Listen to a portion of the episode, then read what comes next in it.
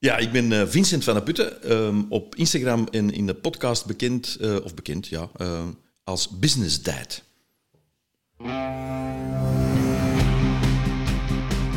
Wel, ho, stop, wacht even Tom. Voor we beginnen met deze podcast, moeten we echt iets aan onze luisteraars vragen. Vragen? Nee, smeken. We moeten op ons knieën zitten, man. Oké, ik zit op mijn knieën. Beste luisteraar, als je dit hoort, zet deze podcast even op pauze, want wij zijn genomineerd voor de Belgian Podcast Awards en we hebben jouw stem nodig. Ga naar www.timtompodcast.com en klik op de link voor de Belgian Podcast Awards en stem. Of ga naar onze Instagram en klik op de link in bio. En als je al gestemd hebt, zet hem ook op pauze en stuur het naar iedereen die je kent, want wij willen echt winnen. Het zou ons ongelooflijk veel deugd doen. Tot over 30 seconden.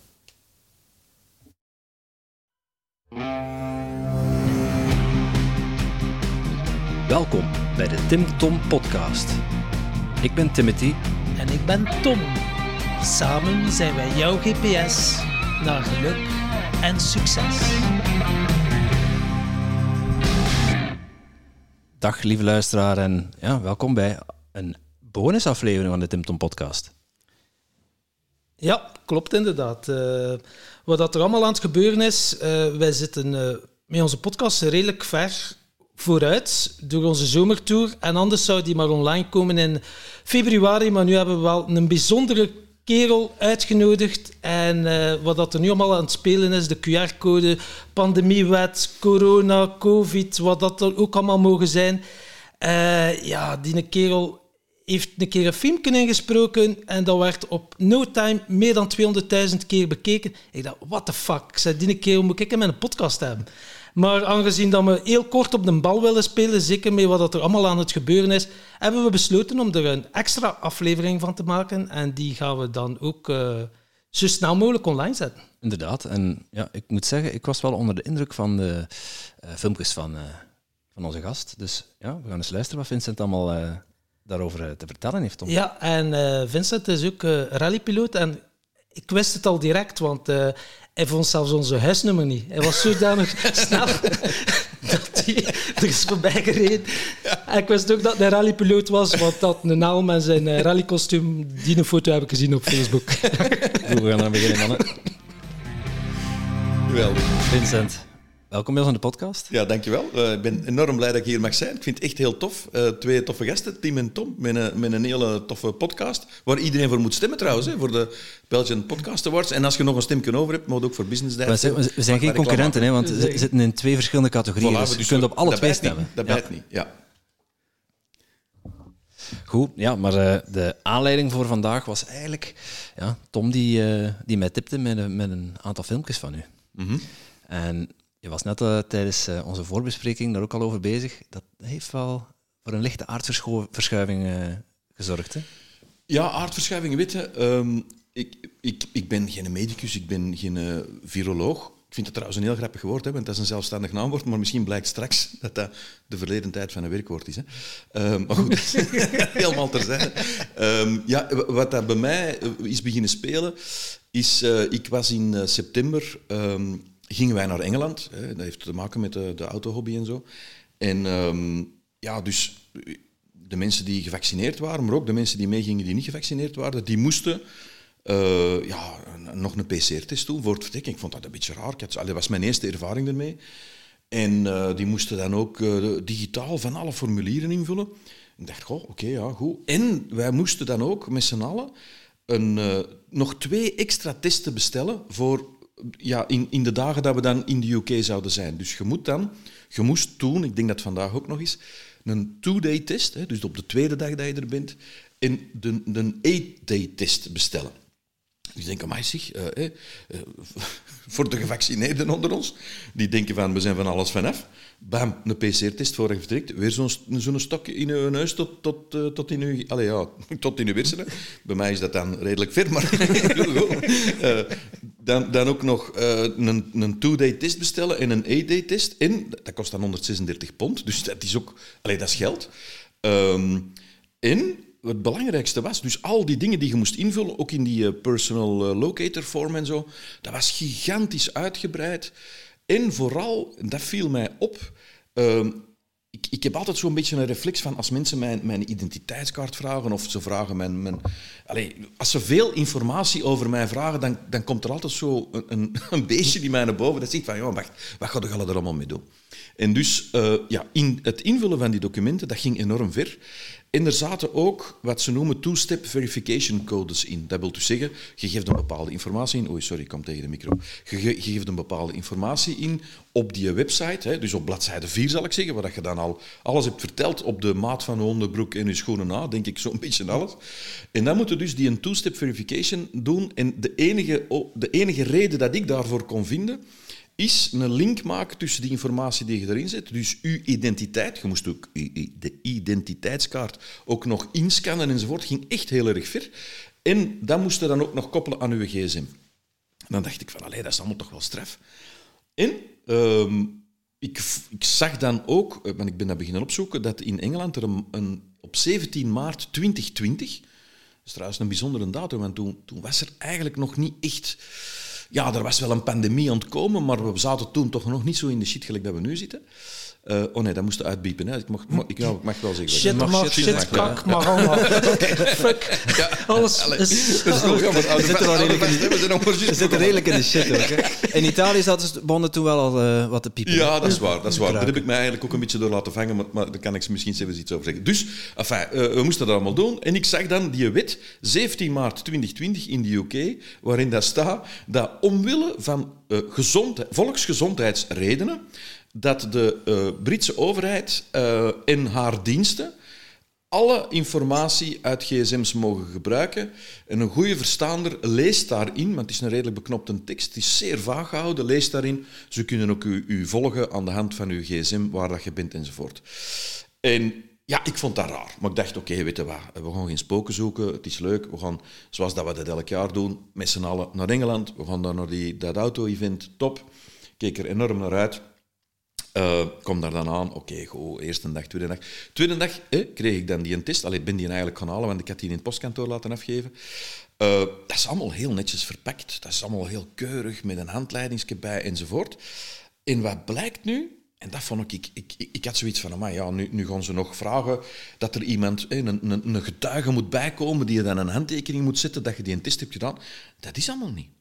Dus je moet die een test dan doen en zoals dat ik het in het filmpje zeg, of dat je die een test nu gewoon op tafel laat liggen, allee, dat, dat stokje, dat is normaal tot, tot in de hersenen moet steken. Dat nu in je oor steekt, of niet? je mag dat eender waar steken. Allee, ik kan u niet op een slechte gedachte brengen, maar eender waar dat je dat kunt steken, houdt wel de volgorde in toch. allee, los daarvan. Dus daar speelde eigenlijk allemaal geen rol. Je doodt dat maar. Je legt dat op de boekenkast. Je loopt even naar de keuken om een koffietje te pakken. Je komt terug. En je stikt dat dan in dat testbuisje. En je stuurt dat in. En dat was oké. En dan dacht ik van, wacht even. Ah nee, wat er ook was, je wordt dan gebeld. Uh, dus je wordt echt gebeld door een dienst. Ik heb achteraf gezien dat die 90 een contract hebben van 90 miljoen pond. En het enige dat die doen, is mensen bellen om te vragen, en nu komt het, heb u een test gekregen en heb hem gedaan? Oké. Ja, mijn telefoon is niet altijd aan mijn oor geplakt, dus eh, die hebben mij een paar keer moeten bellen. En de derde keer dat ze me bellen, was een voicemail. Zei, meneer Van de Putten, als u niet gaat opnemen, uh, ik weet niet meer, dan zeggen ze, dan sturen we de home office op u af. Home office, ik denk, thuiskantoor, ja, covid, hè. niks. De home office, dat zijn de flikken. De binnenlandse veiligheidsdienst. Allee, ja, ik weet niet wie dat is, maar uh, de slechterikken zeker, ik weet het niet. Enfin, dus de, de, de police. Dus ik dacht van, mensen, wat is deze? Een test die, die eigenlijk ja, kan het nog wel raakt. Die heeft niks met volksgezondheid te maken, maar ik mag hem zelf doen. En het zou heel gemakkelijk zijn. Ze zouden kunnen zeggen, je moet naar een apotheker in de hoek, uh, of achter de hoek. Hè. Er zijn in het dorp waar jij bent, zijn er vijf apothekers. Er zijn overal vijf apothekers. Hè. Dus ga er naartoe, laat die verpleegster of die apotheker sorry, zien wat gaan doen ze. En dan, dan zijn we zeker dat jij die test hebt gedaan, dat je die goed hebt gedaan. En dan zijn we met de volksgezondheid bezig. Maar dat was allemaal niet. Ja, en dan begint er zo'n kronkeltje in mijn hoofd te komen dat denkt van, ja, maar dat klopt toch niet? En daar is het allemaal mee begonnen. En nu zit ik hier. Uh, ja, wereldberoemd in... Uh, in, ja, in Merendree. Nee, was ja, het? Merendree, ja. Van Pluto. Vol van Pluto. ja. Dus ja, zo is het allemaal begonnen. En dat, is, dat dateert van... Dat moet uh, 20 september of zo 20 geweest september, ja, rond dus, die tijd. Ja. Dus nu zijn we ja, iets meer dan een jaar verder. Nee, nee, nee. nee. Eh, We 20 september, ah ja, ja, nu, de- nu, ja, ja, ja, het zal zijn, wel. eh, Ja, ja, zijn dus- twee maanden weer dan nog Ja, ja, dat is twee maanden verder. ja. Ja. Het heeft wel nog een, een, ja, meer dan een jaar geduurd voordat je daarmee naar buiten kwam. Eh, maar het gevoel... Nee, nee, nee, nee, wacht Nee, nee, even, ik ben niet duidelijk. Dus ik heb dat nu in september meegemaakt, allemaal. Hè, dus anderhalve maand Ah, geleden. Oké, ik dacht in maart. En dan ben sorry. ik... Ja, ja, ja. Nee, die wet was in op 17 Ja, maart. ja, ja, ja, ja. Maar we moeten het wel simpel houden, Ja, anders kan mijn brein niet meer kunnen volgen. dat van mij ook niet, hè. Al die datums. Ja, ik heb het er sowieso al moeilijk mee. Maar dus, hè, dat is recent. Dan maak ik een filmpje en ik denk, ja, ik kan dat toch eens even vertellen ja, aan, aan mijn Facebook-vrienden. Ik was daar eigenlijk ook redelijk... eh allee, ik vond dat niet zo tof, hè, want ik, ik was dus echt wel iemand... ehm, ja, toen als ze zeiden lockdown... Nee, met eh, flatten the curve. Ik was de grootste roeper. Mannen, flatten the curve. Ik kreeg beelden te zien van in Bergamo van, van een, een, eh, een gebouw dat vol lag met doodskisten. Dat achteraf gebleken een totaal fake filmpje was. Ik weet niet of je dat weet. Ja. Dat had niks te maken met COVID. Dat was een filmpje van heel iemand anders. Ik zag, ik, allee, ik, ik zag echt de apocalyps gebeuren en ik denk, mensen, blijf thuis. Mijn oudste zoon, burgerlijk ingenieur, kan goed met getallen overweg, die zegt, pap, iedereen moet thuis blijven. Zorg ervoor, zorgt voor mama, want hè, mijn, mijn vrouw heeft een, eh, eh, een, hart, eh, een hartprobleem. Dus oké, thuis blijven. Er is, nog, er is denk ik niemand die zo extreem de regels heeft gevolgd dan ik. Hè. Ik bestelde iets online, dan hadden wij zo'n sas thuis. Dus die mannen die kwamen dan een pakje leveren. Die deur ging open, ik met mijn handschoenen, mijn mondmasker. Allee, ja, je kunt... Apocalyptisch, dat was voor Ja. de film. Deur open, dat pakje werd daar gezet. Ik ging dan dat pakje eh, gewoon ja, ontsmetten. Met, eh, ja, met allee, ja, van alles en nog wat. Dus ik liet dat daar staan. En dan eh, een paar uur later ging dat pakje al. Dus het, je kunt het zo gek niet voorstellen. Als ik er nog op terugdenk, denk ik van jongenslief, hoe belachelijk was dat? Maar dus, wacht, even deze afzetten. Ehm, dus dat gebeurde allemaal. En dan na verloop van tijd, ja, ik heb dat dus maanden gedaan. Eh, alles besteld, eh, niet buiten gekomen, hoogstens een, een wandelingsje rond een blok, maar dat was het dan ook. En dus ik dacht, eh, ja, oké, dat is het. En dan kwamen al die toestanden. En ik begin dus meer en meer te zien... ik, ik heb zo precies een oog gekregen voor, er klopt iets niet. Wat Ja. klopt er niet? En ik zeg niet dat... ik ben dus niet de man die zegt, het is allemaal... hij Noemt hem Klaus eh Schwab. Dus Ja, grappig dat ja. hij dezelfde naam heeft als dat ding dat je in je neus moet steken. Dat is raar, dat is raar hè? Het is Geen toeval, hè. Schwab. Is geen toeval. Anyway, ik weet niet wat er eerst kwam. Hij of eh, de naam van dat stokje. Anyway, dus ik, ik, ik zeg niet dat dat is. Ehm, ik kan dat trouwens ook moeilijk geloven. Eh, en ik weet ook dat als, als, als dat het discours is, dat mensen zoiets hebben van, we haken af. Want iedereen in de armoede gooien... Ja, ik ken redelijk wat succesvolle ondernemers die veel geld hebben en die zijn dan toevallig niet bij de elite. Ja, ik denk ook, die gaan dat niet laten gebeuren en zo. Dus kijk, er wordt gezegd in die complottheorieën dat dat zou gaan over een 1300 eh, mensen in zeer belangrijke functie. Er wordt dan Macron genoemd en er wordt dan Merkel genoemd en, en, en Rutte en onze De Kroek. Nee, De Kroek. De, de, De- Kroek. de- de Kroek. De sorry. De Kroek. Allee. Babylonische spraakverwarring. Overstreking. De kroek. Nee, nee, nee, nee. sorry. Dat was, ik, ik ben visueel en dan zie ik de kroek. En, nee, nee, nee, het is niet. Het is, eh, dus al die mannen staan op die lijst, zo gezegd. En dan ook nog eh, tien- 10.000 soldaten. En ik dacht, ja, als dat dan de elite is die gaat overblijven, ja, dan, gaan, eh, dan gaan er toch een heleboel mensen eh, heel veel verliezen en dat gaat niet gebeuren. Dus dat, dat parkeer ik, want ik denk, dat, dat kan het niet zijn. Wat het volgens mij wel kan zijn, dat is natuurlijk, en, en daar staan we misschien te weinig bij stil, maar goh, als je natuurlijk een labo hebt en je verdient aan het eh, doen van testen, ja, dan zou dat toch wel een lompe beer zijn om te zeggen, we moeten stoppen met testen. Ja. Dat is ook gewoon, en dan kun jij je wel voordoen, als een socialist of als een communist eh, met, met, een iets te dikke buik eh, die is tot te dansen wa- wanneer dan niemand mag dansen. Eh, maar, maar dan nog, dan denk ik dat die mens wel het prettig vindt dat we ondertussen... Hoeveel testen? 17 miljoen testen hebben gedaan, denk ik. Heb ik ergens gelezen. Dus allee, ik begin dan dingen te zien die niet kloppen. Gelukkig dat we dan nog de media hebben. Hè? Ja, maar daar klopt ook van alles niet.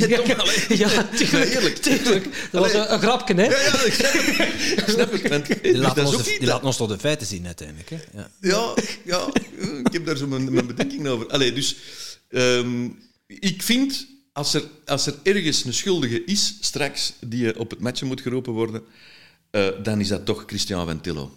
En ik zeg het hier, en ik weet dat het niet slim is dat ik het zeg, maar ik zeg het toch. We hebben hem in de podcast gehad. Eh, wat zeg je? We hebben hem in de podcast gehad ook. Ja. Is het waar? Ja, we hebben hem in de podcast niet. gehad, maar nog voor de corona. Maar dan heb ik al goesting om op te stappen, maar echt waar. Uh, ja, misschien is hij het niet, maar in elk geval, ik denk dat iedereen ondertussen wel weet.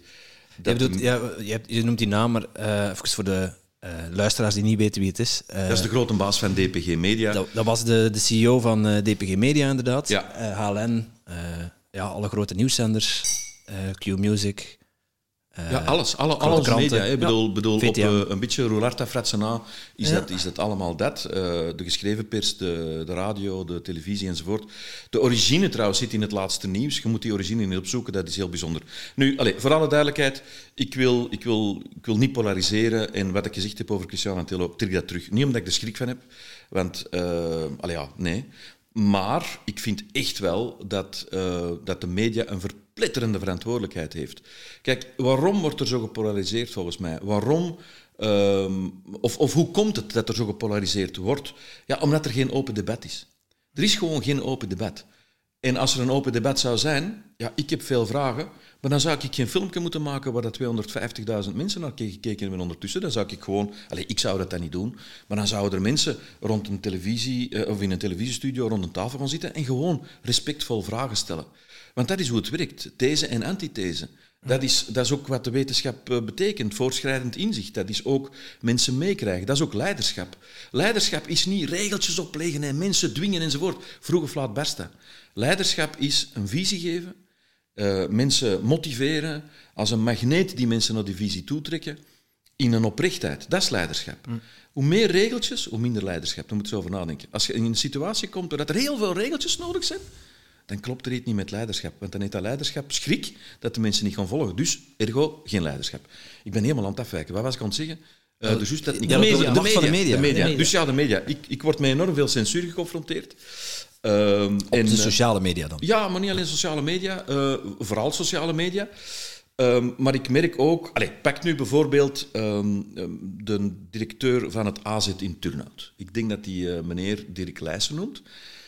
Die zegt vorig weekend, uh, de overgrote meerderheid, ja, en hij zegt, je vindt dat misschien raar, maar de overgrote meerderheid van de patiënten op onze intensieve zorgafdeling, dat zijn gevaccineerden. Ik val van mijn stoel. Mm. Ik val van mijn stoel om een aantal redenen. Eén, als dat waar is wat dat je zegt, ja, dan moeten we toch eens even teruggaan naar hetgeen dat ze ons beloofd hebben. Dat klopt niet. Nee. Twee, ik val van mijn stoel omdat die mens dat durft zeggen. Dat is vandaag de dag.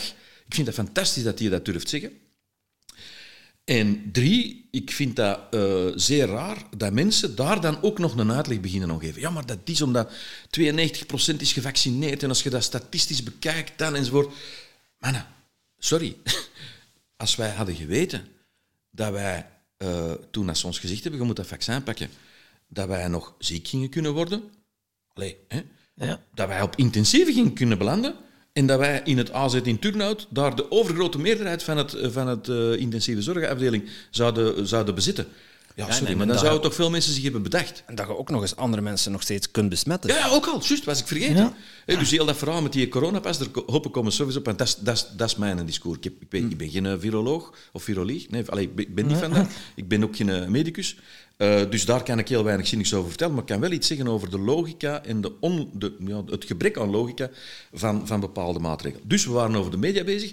Die een dokter die je vertelt dat. Heel veel mensen vallen van hun stoel. Uh, meer en meer mensen denken van, ja, maar wacht eens even. Dan heb ik twee vaccins gepakt. Uh, dan zeggen ze dat, dat, dat, ik er nog een derde moet gaan pakken. Maar wacht even, want dat houdt mij niet uit het ziekenhuis. En trouwens, meer en meer mensen zien ook in hun directe omgeving dat, allez, ik sprak tegen iemand en die, haar dochter van 23 jaar, dubbel gevaccineerd, is doodziek geweest van corona een paar weken geleden.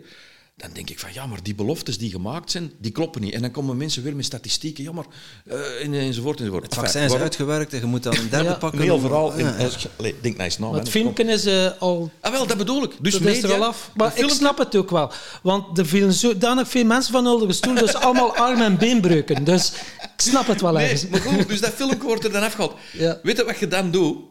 Dan maakt de mensen gelijk mij uh, alleen maar uh, alerter. En, dan, en het gaat echt niet over mij. Heel dit verhaal gaat niet over mij, want ik kan u verzekeren, ik krijg bagger over mij heen.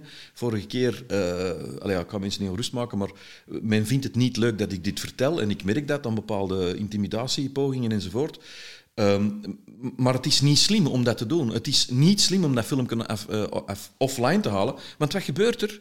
Ja, heel veel mensen hebben dat filmpje. Heel veel mensen hebben dat gefilmd, ge- opgenomen. Ja. Dus dat wordt verspreid gelijk zot. Er zou nooit zoveel over gesproken zijn Ja. als dat niet was eraf gehaald. Trouwens, onmiddellijk daarna kwam dan de arts, de hoofdarts van de GZA-ziekenhuizen in Antwerpen. En die ging nog verder. Die zei, alle patiënten bij ons, het was vroeger anders, maar nu alle patiënten bij ons die op de intensieve zorg liggen, zijn gevaccineerd. Ja, alleen serieus? Come on, mannen. Dus ik zit niet te zeggen dat er geen pandemie is. Ik zeg niet dat er geen covid is. Ik zeg niet dat je er ziek van kunt, niet ziek van kunt worden. Ik ben er ziek van geworden. Eh, ik ben trouwens een tijd geleden nog eens positief getest. Ja, en dan kreeg ik telefoon, hè, je moet thuis blijven. En, en, en ben je in contact geweest enzovoort. Enfin, dus hè, weer tien dagen thuis blijven. Tien dagen gewoon niks gehad. Hè. Zelfs, eh, zelfs geen kuchje. Allee, ik was op een bepaald moment aan denken van...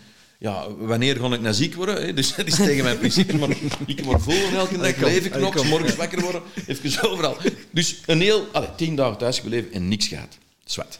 Eh, dus de media die speelt mee, dat spel. En, en ik vind dat ze daar echt wel, in alle gekheid op een stokje, een verpletterende verantwoordelijkheid in hebben. Ja, ze hebben bloed aan hun handen. Hè. Ja, ik denk bijna letterlijk. eh, en, en dat dat dan misschien niet eh, meneer Van Tillo zelf is, dat zal dan wel. Hè. Maar, maar goed, eh, en welke redenen dat er zijn. Iets wat heel weinig mensen weten, of te weinig mensen weten, dat is dat de, de media, hè, dat is nog iets van heel lang geleden, die krijgen een enorm bedrag per, per jaar om, eh, en dat we vroeger was dat om, dat om de bedeling te doen van de kranten. Om, om de kranten letterlijk in de bus te gaan steken. Dat kostte geld. En dus die moesten daar gesponsord voor worden om zo het nieuws te kunnen verspreiden in de, in de bevolking. Ondertussen is dat bedrag opgelopen tot eh, meer dan 500 miljoen euro per jaar. Aan subsidies. ja. 500 miljoen euro per jaar. Ik weet, allez, bedoel, een, miljoen seconden, dat is 12 dagen. Een miljard seconden is 30 jaar. Dus 500 miljoen is een half miljard euro. Ja, wat is dat? Dat is het, dat is het bruto nationaal product van Guatemala of zo. Allee, ik weet Ja. het niet. Dat is een waanzinnig bedrag. Daar kunnen we 100 ziekenhuizen mee bouwen. Allee, nee, dat is niet waar. Maar je verstaat wat ik wil zeggen. Die krijgen dat. Ja, natuurlijk, als je 500 miljoen per jaar krijgt, dan kun je groeien gelijk zot. Dan kun je televisiezenders beginnen, dan kun je radiozenders beginnen, dan kun je radiozenders opkopen en dan kun je alles doen wat je wilt. Maar natuurlijk, de hand die u die 500 miljoen euro per jaar geeft, ja, daar ga je niet in bijten, hè, man. En dat is Ja, ja, serieus. dus de We hebben het niet over een almoes, hè. Ik ben zelf hypnotherapeut, dus ik weet hoe krachtig dat is. Als mensen in angst zitten ja, en je geeft de juiste suggesties, ja, dan, eh, Ja. dan zie je wat dat er nu aan het gebeuren is, Ja. hè, uiteindelijk. Kijk, Dus, heel, heel de discussie gaat niet, in mijn ogen niet over wel of niet gevaccineerd. Ik vind dat eigenlijk Tuurlijk. niet toe doen. Nee, dat doet er niet toe. uiteindelijk. Alleen, wat, wat mij dan tegen de borst stoot, is dat eh, mensen die gevaccineerd zijn, eh, bepaalde privileges krijgen boven mensen die niet gevaccineerd zijn.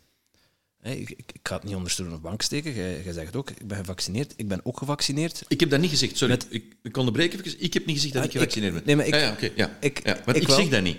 Ik vind dat niemand dat moet weten, of dat ik wel of niet gevaccineerd ben. Ik steek dat niet onder stoelen of banken, mij maakt dat niet uit.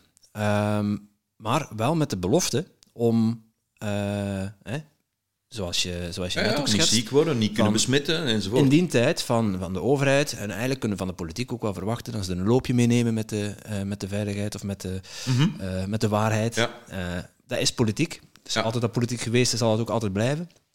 Van de wetenschap, ja, met de vooruitzichten, of met de inzichten die we op dat moment hadden, hebben ze bepaalde adviezen gegeven en zijn ze dat in de wereld gaan zetten. Eh, dan is het een afweging, doe je dat wel, doe je dat niet. Er zijn heel veel mensen zijn er dubbel gevaccineerd. Als het nu blijkt uit, ja, uit van alles en nog wat, dat die vaccins niet voldoende of niet of onvoldoende werken, of hun werk doen, en ze daarmee eigenlijk de beloftes niet kunnen invullen die ze gedaan Ja. hebben, eh, is de wetenschap ook de eerste die zou moeten zeggen van, ah, maar kijk, voortschrijdend inzicht, en nu zijn er nieuwe inzichten. Ja. Alleen de wetenschappers die met die nieuwe inzichten naar buiten komen, die worden allemaal de mond gesnoerd. We hebben er een aantal in de podcast gehad, waaronder Matthias en, eh, en Lieve. Eh, ja, die worden gewoon in de mainstream media gewoon de mond gesnoerd ja. en die mogen niet aan het woord. Maar dat is dus, dat is dus die, dat is dus die En- censuur. Ja, En dat breekt vroeg of laat zuren op. en, Om, omdat je, je kunt dat niet onderhouden. Ik maak heel dikwijls de vergelijking met een strandbal. Een grote strandbal. Als je die onder water wilt houden... En, en de, water, de zee wordt een beetje woelig of zelfs niet... Dat kun je niet onder water blijven houden. Vroeg of laat springt dat naar boven. En dat is voor mij de vrijheid. Dat is volgens mij ook censuur. Dat breekt zuur op. Censuur breekt zuur op. Ja. Ehm, En zeker als, als mensen dan bepaalde privileges krijgen en, en ah, ja. terwijl, terwijl er geen eh, voordelen aan, aan Ja. gekoppeld zijn. Hè? Mensen zeggen van ja, maar ik heb het recht om mij dan te omringen met mensen die gevaccineerd zijn. Want we noemen het COVID-safe pas. Je, wou, je zei net al van ik hoop dat het aan bod komt. Voilà, Ja, ja, ligt op tafel. Maar ik wou even nog iets over die censuur zeggen. Ja, zeg maar. sorry, Etty, maar dus, eh, ik ben op een betoging geweest, de eerste betoging van mijn leven. Eh, ik, ik ben niet zo'n betoger. Ik bedoel, allez, ik vind dat... Ik had er zo een raar beeld van. Ik ben er naartoe gegaan. Ik vond dat trouwens fantastisch. Heel warm. Ehm, heel lieve mensen, toffe mensen. Mensen van, van allerlei rang en stand. Mensen van allerlei geledingen. Mensen vanuit uit, uit heel eh, België kwamen samen. En, en dat wordt echt in een doofpot gestoken dat daar een, een, een betoging is. Hè. Dus dat was in Brugge. Ehm, ik, heb, eh, heb zelf geteld. Wat ik gedaan heb, is ik heb gefilmd hoeveel... Ik heb gewoon op straat gaan staan. Heel die, die, die reeks mensen zien voorbij komen. Ik heb dat gefilmd en ik heb dan gewoon de regel van drie toegepast. Ik zie zoveel mensen voorbij komen op zoveel seconden. Dat filmpje duurt 12 minuten. Dus ik schat dat er tussen de 6200 en 6700 mensen zijn. Ja, dat is natuurlijk niet een heel wetenschappelijke manier om dat te meten. Maar, wat lees ik in de krant? Dat er 500 man was. Waren er iets meer toch wel. Ja, en dus, oké, nu kunnen zeggen 6700 of 6400, dat is nog niet veel. Dat is ook nog niet veel, dat is veel te weinig, maar dat gaat groeien. Ehm, maar het is wel tien keer zoveel, of meer dan tien Het wordt keer wel zoveel als 500. geminimaliseerd. Dat, eh, dat Ja, wel- en dus dat is ook censuur. En dus mensen, eh, heel veel mensen, die krijgen dat voorgeschoteld. En, en je kunt mensen dat niet kwalijk nemen. Dat, dat, dat mensen dan denken van, ja, ja, zie je wel, ja, mannen, dat zijn die, die geitenwolle sokken, antivaxers enzovoort. Dat is dus niet, hè. Daar waren ook gevaccineerde mensen, zoals dat jij zeg, zelf zegt dat je gevaccineerd bent. Er waren mensen die dubbel gevaccineerd waren. Er waren mensen die niet gevaccineerd waren. Er waren mensen die gevaccineerd waren en tegen de covid-pas enzovoort. Dus allerlei achtergronden. En dat wordt gewoon in een doofpot gestoken. En dat, dat blijft niet duren. En ik merk dat de pers begint in te zien van oei, misschien zijn we te ver gegaan. En ze laten nu hier en daar een boodschapje naar boven Zo'n komen. column of zo. Dat Ja, een de column van, eh, van ja. Matthias Dobbelaar, eh, Joren Ver, Vermeers, zeg ik het goed? In de standaard. Ja. Die, die, die beginnen zo wat, ja, een andere klok te laten horen. En dat is goed. Iets wat de media ook doet, en dat vind ik, dat vind ik eh, nog erger eigenlijk dan die, dan die censuur over die getallen, dat is dat ze de mensen die de zaken in vraag stellen, dat ze die in aantal minimaliseren.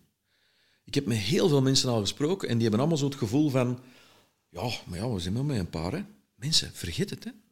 Wij zijn met een paar miljoen. Hè. Echt, hè. Eh, heel ruwe telling. eh, als men dus inderdaad zegt dat 90% gevaccineerd is, I don't know, hè. Ik bedoel, ik vind dat een heel hoog getal. Ja. Ja, dat is ook iets. Is dat zo? Is dat niet zo? Maar goed, dat staat op de site van Cienzano. Uh, tussen haakjes de site van Cienzano. We zitten in een epidemische noodsituatie. Je zou toch denken, we moeten de vinger aan de pols houden. Van s morgens tot s avonds moeten we kijken hoe dat zit met die getallen. Cienzano, een naam waar ik een jaar geleden nog nooit van had gehoord. Dat is de referentie. Ehm, die, je moet die op de site gaan zien. Die zijn morgen, overmorgen enzovoort. Tot en met maandag werken die niet. Dus ik, ik zeg nu, hè, want dit wordt uitgezonden denk ik op Ja, vrijdag, dus ja. gedurende, dus nadat de pandemiewet gestemd wordt, vanaf die moment waar dat je dan echt de vinger aan de pols wil houden, want die is gebaseerd op een epidemische noodsituatie, de site van Cienzano zegt, ja mannen, we gaan een paar dagen verlof pakken. Ik denk dat ze vier of vijf dagen verlof gaan pakken. Pardon?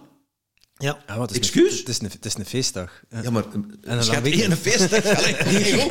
Gaat dan feesten met Mark eh, van Ramst? Of, eh, hey, want je kent dat goed. Maar sorry, allee, met wat zijn we nou bezig? Je moet toch nu ja, echt die cijfers met een vergrootglas in het oog kunnen houden. Dus dat zijn allemaal dingen die niet kloppen. Ik was afgeweken, maar ik wou iets anders zeggen. Ah ja, dus Ja, dat, ze- dat we de Ja. indruk krijgen dat we met heel weinig zijn. Dus 90% is dan gevaccineerd. Eh, dat zou toch al meer dan genoeg moeten zijn, maar oké, alright. Ze hadden ook gesproken van 70% gevaccineerd, Ja, ging het in orde zijn. Maar en ja, dan dat is al- 75 ja, en dan eh, 80 en eh, hup, ineens. Nee, nee, het moeten er 100 zijn. Ik denk dat dat trouwens... Stel dat er 100 zouden zijn, dat wordt heel lastig om, dat, om dan nog eh, de kerk recht te houden. Want, Ja, maar dan moet er 110 zijn. nee, procent. maar als er 100 zijn, Tim, wat gebeurt er dan? ja, dan ga je nog altijd uh, ziekenhuisafdelingen hebben die volgen met, met gevaccineerden. Dan ga je nog altijd uh, besmettingen hebben. Want ja, dat is een heel rare maatstaf om te meten. Uh, dus je gaat dat nog altijd hebben. Dus ik weet niet of dat ze dat echt, echt willen. Maar ik denk dat ze dan echt de tiksel op hun neus gaan krijgen. In de context van dingen die niet kloppen. Dus ik kom terug op, we zijn met heel veel. Ja, 10% van de bevolking, in Vlaanderen dan, hè, die, want het is niet overal zo. Maar goed, ik denk in België uh, dat wij toch zeker met een miljoen zijn. En weet je wat, we hebben geen miljoen nodig om mensen te doen inzien dat het niet klopt. Uh, maar het gaat, we hebben 500 miljoen nodig. Wat zeg je? We hebben 500 miljoen nodig. Nee, nee. ja, 500 miljoen, ja, ja. Weet je, ik denk echt waar, hè. Als ik was bijvoorbeeld uh, zondag ook bij Open Up. Ik heb zo al een paar keer ja, een wandeling ja. gedaan. Dus zondag was het in Gent. En er uh, waren er met 800 mensen, maar volgens het laatste nieuws was het 200 80. zeker of zo. Ja, ja, het was toch 200. Ja, ja 200. Maar, ja, goed. maar wat, wat gebeurde dus? Er waren enkele gewoon ballonneken met een hartje, geen spandoeken, niks. niks. Er werd niets gescandeerd, niks. Nee, gewoon heel rustig. Maar, ja. Gewone wandeling, heel leuk, connecten, knuffels geven, leuke mensen ontmoeten, ja. heel tof. Maar de organisator kreeg 350 euro gasboete.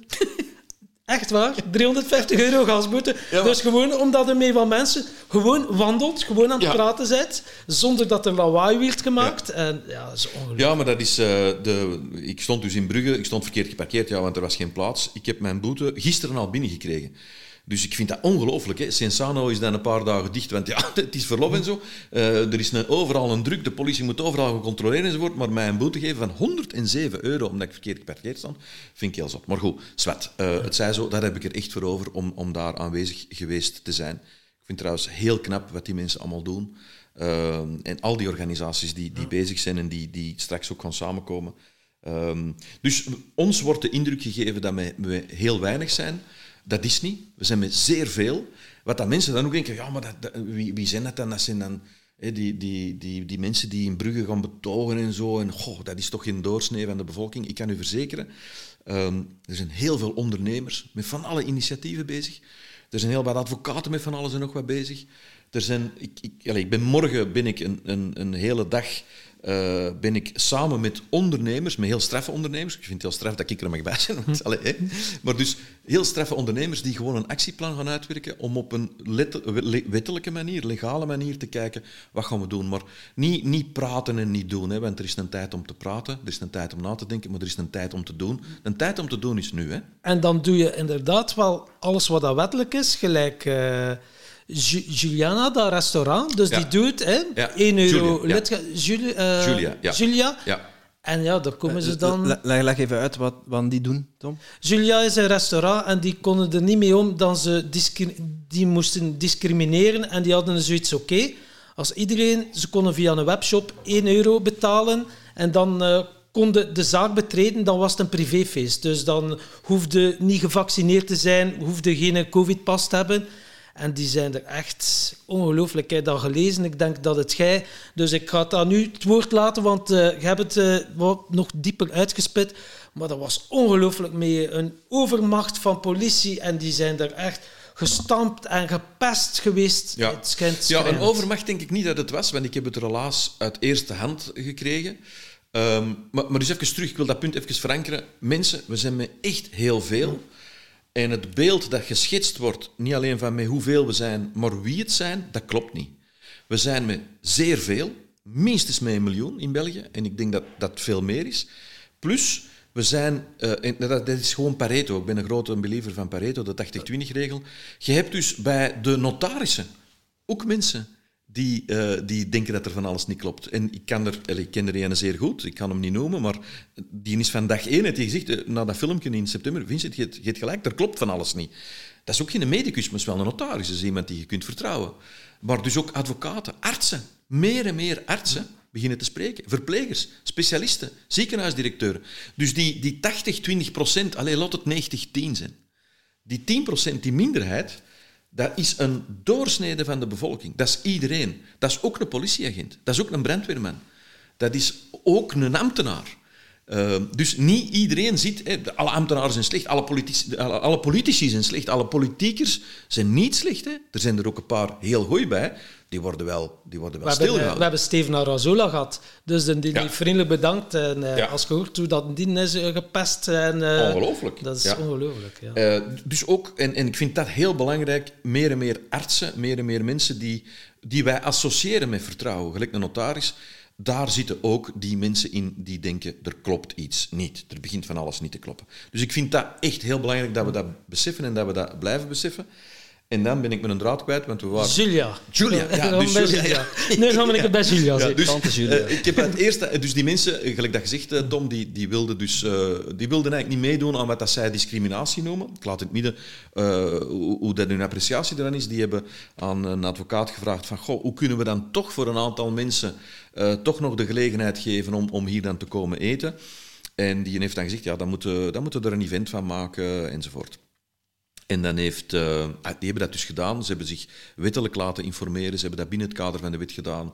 Zeer weinig mensen toegelaten op dat event. Ze hebben dat allemaal gedaan volgens eh, wat dat er mag. Ehm, en die zijn ongelooflijk geïntimideerd geweest, die mensen. Niet alleen die mensen zijn geïntimideerd geweest, maar ook de aanwezigen zijn geïntimideerd geweest. Eh, er stond iemand voor de deur de dag van het event en die sprak iedereen aan die voorbij kwam. En diegene die voor de deur stond, uh, dat is een zeer intimiderend iemand. Uh, dat is een, uh, wij noemen dat een bottinnetje in Antwerpen. hè. Dat is de, de secret police. En er zitten een heleboel toffe gasten tussen. Ook daar geldt die 80-20 of die 90-10 trouwens. Hè. Ik ken daar een aantal gasten van. En, en dat zijn allemaal mannen die zeggen, man, er klopt van alles niet. Maar goed, onze baas zegt dat we dat moeten doen, dus we doen dat. En er zijn uiteindelijk dan op de, het moment van het event zijn daar zeven man binnengevallen. Zeven bottinnetjes, maar die dan in die 80% zaten, dacht ik. Want die zijn echt op een schandalige manier te werk gegaan. Ten eerste hadden die geen huiszoekingsbevel. Er is een stuk privévertrek, die zijn daar binnengekomen. Die hebben, uh, ze hebben uh, een aantal mensen geduwd. Ik ga niet overdrijven wat er fysiek gebeurt, maar ze hebben een aantal mensen geduwd. Maar je moet je voorstellen, als je daar binnenvalt, met zeven van die Rambo's, hè, want dat zijn Rambo's, ja. zijn mensen die heel de tijd bezig met hun fysieke gezondheid, die kunnen vechten, die kunnen allemaal, die komen daar binnen en die, die, die legitimeren zich niet, die hebben een bandje om de arm, dat, dat zegt dat ze van de politie is, ja, dat vind ik een heel symbolisch uh, armbandje, maar goed, die komen daar binnen en die intimideren mensen zodanig hard dat een aantal mensen daar ja, een trauma zijn doorgegaan dat een aantal mensen gezegd hebben van nee, wij mogen hier zijn. Echte diehards die zeggen van nee, nee, sorry, dat klopt niet, wij mogen hier zijn, lees de wet enzovoort. Ja, die dan toch ook bijna ja, allez, gedwongen zijn. Hè. Gezegd van kijk, als jij hier nog blijft zitten, dan gaan we je arresteren. Dat zijn dingen die echt gebeurd zijn. Dat komt niet in de pers. Nee. En dat is, wat er dan in de pers komt, is dan weer zoiets dat heel ja, verdraaid wordt. Hè, van, allez, precies of dat die mensen de wet willen ontduiken enzovoort. En dat is niet. Maar dat zijn allemaal goede dingen. Ik, vind, ik meen dat oprecht, ik vind dat allemaal goede dingen. Want hoe meer van die, ik noem dat zotte fratsen, hoe meer van die zotte fratsen dat er gebeuren, hoe meer dat mensen denken van, ja maar man, zeg, hallo, pardon, dat klopt niet. Hoe meer dat mensen zien dat gevaccineerden in hun omgeving toch nog heel ziek worden, en misschien zo ziek dat ze in het ziekenhuis moeten of op de intensieve zorg moeten opgenomen worden, hoe meer dat mensen zien dat, dat er ongelooflijk domme dingen aan het gebeuren zijn. Grapperhaus, ik weet niet of je weet wie dat is. Grapperhaus. Ne Nederlandse minister. Je moet die eens opzoeken, die gast. Justitie, die, allee, ja, die, die moet niet veel kostuum aan doen op Halloween. echt waar, is een naam echt niet gestolen. Uh, dus Grapperhaus, ik weet niet of ik het goed uitspreek. Hè? Dus Grapperhaus het zijn, waarschijnlijk zoiets. Hè, nogal, allee. Um, die heeft dus gezegd, als er, nog, als er nog iemand is... Nee, die heeft een wetsvoorstel, denk ik. Allee, wetsvoorstel, die gaat dat er gewoon doordrijven, want daar hebben ze ook van die volmachten. Uh, dat je vier jaar gevangenisstraf riskeert als je dus, als ik, hé, jij bent gevaccineerd en een Tom is niet gevaccineerd en Tom zegt ik wil naar de frituur een frietje gaan eten, uh, maak ik eens even uw telefoon, dan ga ik daar een frietje eten. Hé, stel dat dat gebeurt, dan riskeerde jij in Holland vier jaar gevangenisstraf, omdat je misbruik maakt van de corona-pas, van de uh, QR-code, van ja. de COVID-safe dinges. Niks safe aan. Q-Rutte, ja. ja. Okay. dus, dus je moet daar eens gewoon over nadenken. Iemand die, uh, een verkrachter, die, die, die, ja, die, die, die bij wijze van spreken wordt niet vastgezet. een, een witte boordcrimineel die krijgt, eh, ja, die kan zijn, zijn dingen afkopen. Hè. Zijn, zijn, zijn schuld uh, allez, of zijn boete afkopen. Uh, of zijn straf afkopen, sorry, dat bedoel ik. een moordenaar, ja, die is na een paar jaar vrij. Dutroux, die wordt bij wijze van spreken, straks krijgt hij nog, nog, nog een extra villakje en wordt hij nog in de wet gelegd. Allez, dat is misschien een heel slecht voorbeeld, want er, daar zijn we allemaal tegen, tegen Dutroux. Logisch trouwens. Maar ik bedoel maar... Trouwens. Ja, Wat is dat? Hij zit ook nog altijd vast. Hè? Hij zit nog altijd vast ook, ja, dat is waar. Dat was een stomme opmerking. Ja, je kunt dat er niet uithalen, maar goed. Mensen weten ondertussen ook, mensen weten ondertussen ook dat ik heel stomme tijd zeg. Af en toe zeg ik iets dat minder stom is. Maar dus dat was een stomme tijd. Forgive me. Maar um, het, wordt gezien als een... dus misbruik over de, over de QR-code wordt gezien als een zeer strafbaar feit. Ja, dat is wat het punt dat je wilt maken. Ja. Maar waarom is dat nu belachelijk? Omdat jij met je COVID-safe-pas... Dat zegt Van, Klucht, van Gucht zegt dat ook. Uh, Steven van is het een klucht of gucht? Van gucht, sorry, excuseer. Ja. Die veearts. is een veearts. Ja, een veearts. Ja. Dus die man die je zegt, uh, dat, is, dat is niet safe. We moeten stoppen met dat safe te noemen, want dat is niet safe. Dus uh, het, het, het, het hele probleem met die COVID-pas is dat je als gevaccineerde zo'n pas krijgt, groen vinkje, maar dat je als gevaccineerde nog besmet kunt worden en dus als een superverspreider een vol sportpaleis binnenlopen en daar gewoon echt zorgen voor een, een lokale pandemie in besmettingen. Ik zeg niet dat dan iedereen in het ziekenhuis komt. Dat is de kern van het probleem. Dat is waarom dat, dan niet logisch is. En er is dan nog een technisch probleem, of twee technische problemen aan die COVID-pas. Dat is één, dat je als gevaccineerde die positief getest is, houd u vast, hè, blijft uw vinkje op groen. Kunt u dat voorstellen? Oké. Een gevaccineerde die positief getest is, het vinkje blijft op groen. Ik zeg niet dat het bij iedereen zo is, maar ik kan u uh, objectieve bewijzen bezorgen waaruit blijkt dat gevaccineerden die een groen vinkje hadden, die positief getest zijn, hè, dus ja, want dat kan, dat is nu helemaal zo, oké, okay, zo so dat die met een groen vinkje blijven rondlopen. Dus mensen, stop met dat safe te noemen, dat is unsafe. Als je, als je schrik hebt van besmettingen. Ten tweede, waarom is dat, uh, hangt dat uh, met haken en ogen aan elkaar? Omdat er zijn twee modi in, in die scan. Dus je kunt als horeca-uitbater, kan ik uw covid-pas vragen, of uw QR-code. Trouwens, die persoon mag uw identiteitskaart niet vragen. Hè. Geef daar niet aan toe, die mag dat niet doen, maar goed. Dus die vraagt uw QR-code. En er zijn twee modi. Je hebt uh, gewoon de bezoeker in de horecazaak, maar je hebt ook een modus voor uh, douanebeambten enzovoort om eh, de toeristen te controleren. De tweede modus kun jij als horeca-uitbater ook ingeven, ook kiezen. Jij, Tom, als jij daar binnenkomt... Ah nee, jij hebt er geen af, ja, moet je dan van een team lenen. Maar goed, dus Tim, als jij binnenkomt, jij weet niet welke modus dat je gebruikt. Dat kun jij niet zien. Maar in die tweede modus zit veel meer informatie dan wat de mensen denken. Daar zit dus niet in, ah, de Tim is hier uh, in de frituur in, uh, in uh, weet ik veel waar, in Gent een frietje komen eten. Nee, nee, daar zit veel meer informatie in. En, dus dat is ook iets dat niet klopt. Ja, dat, is gekoppeld aan uw, aan uw identiteitsgegevens. Hè, dus uw adres staat daarbij. Ja. Uw volledige naam, hè, met doopnamen en heel de circus. Ja. uw geboortedatum. Ja. Um, ja, en, en, medische gegevens. Deel van uw, van uw medisch dossier staat daarin. Ja, absoluut. En dus, ik, zit, ik, ben in, ik ben in een heel bevoorrechte situatie die ik voor een stuk ook zelf gecreëerd heb, denk ik. Ik, heb, ik, heb, ik heb het niet altijd even makkelijk gehad als dat ik het nu heb, financieel en zo, maar, uh, want ik heb ook echt wel mijn deel uh, meegemaakt. Maar ik zit dus in de bevoorrechte situatie dat ik ook met een aantal zeer bevoorrechte mensen in contact ben. En die mensen die hebben zoiets van, goh, Vincent, waarom maakt u nou toch druk in? Hebt die covid-pas, ga op de restaurant binnen, wat is daar nou het probleem van?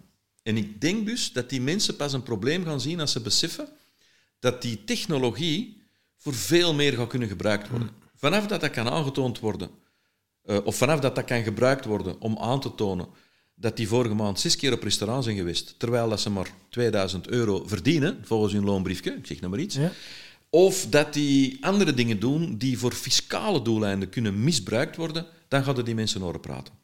Het probleem daarbij is dat dat heel langzaam binnenkomt glijden. En dat vandaag de dag die bevoorrechte uh, omgeving rondom mij, en het is niet alleen een bevoorrechte omgeving, ik heb gelukkig ook contact met de echte wereld, zal ik maar zeggen. Veel contact, meer en meer trouwens, doe me plezier.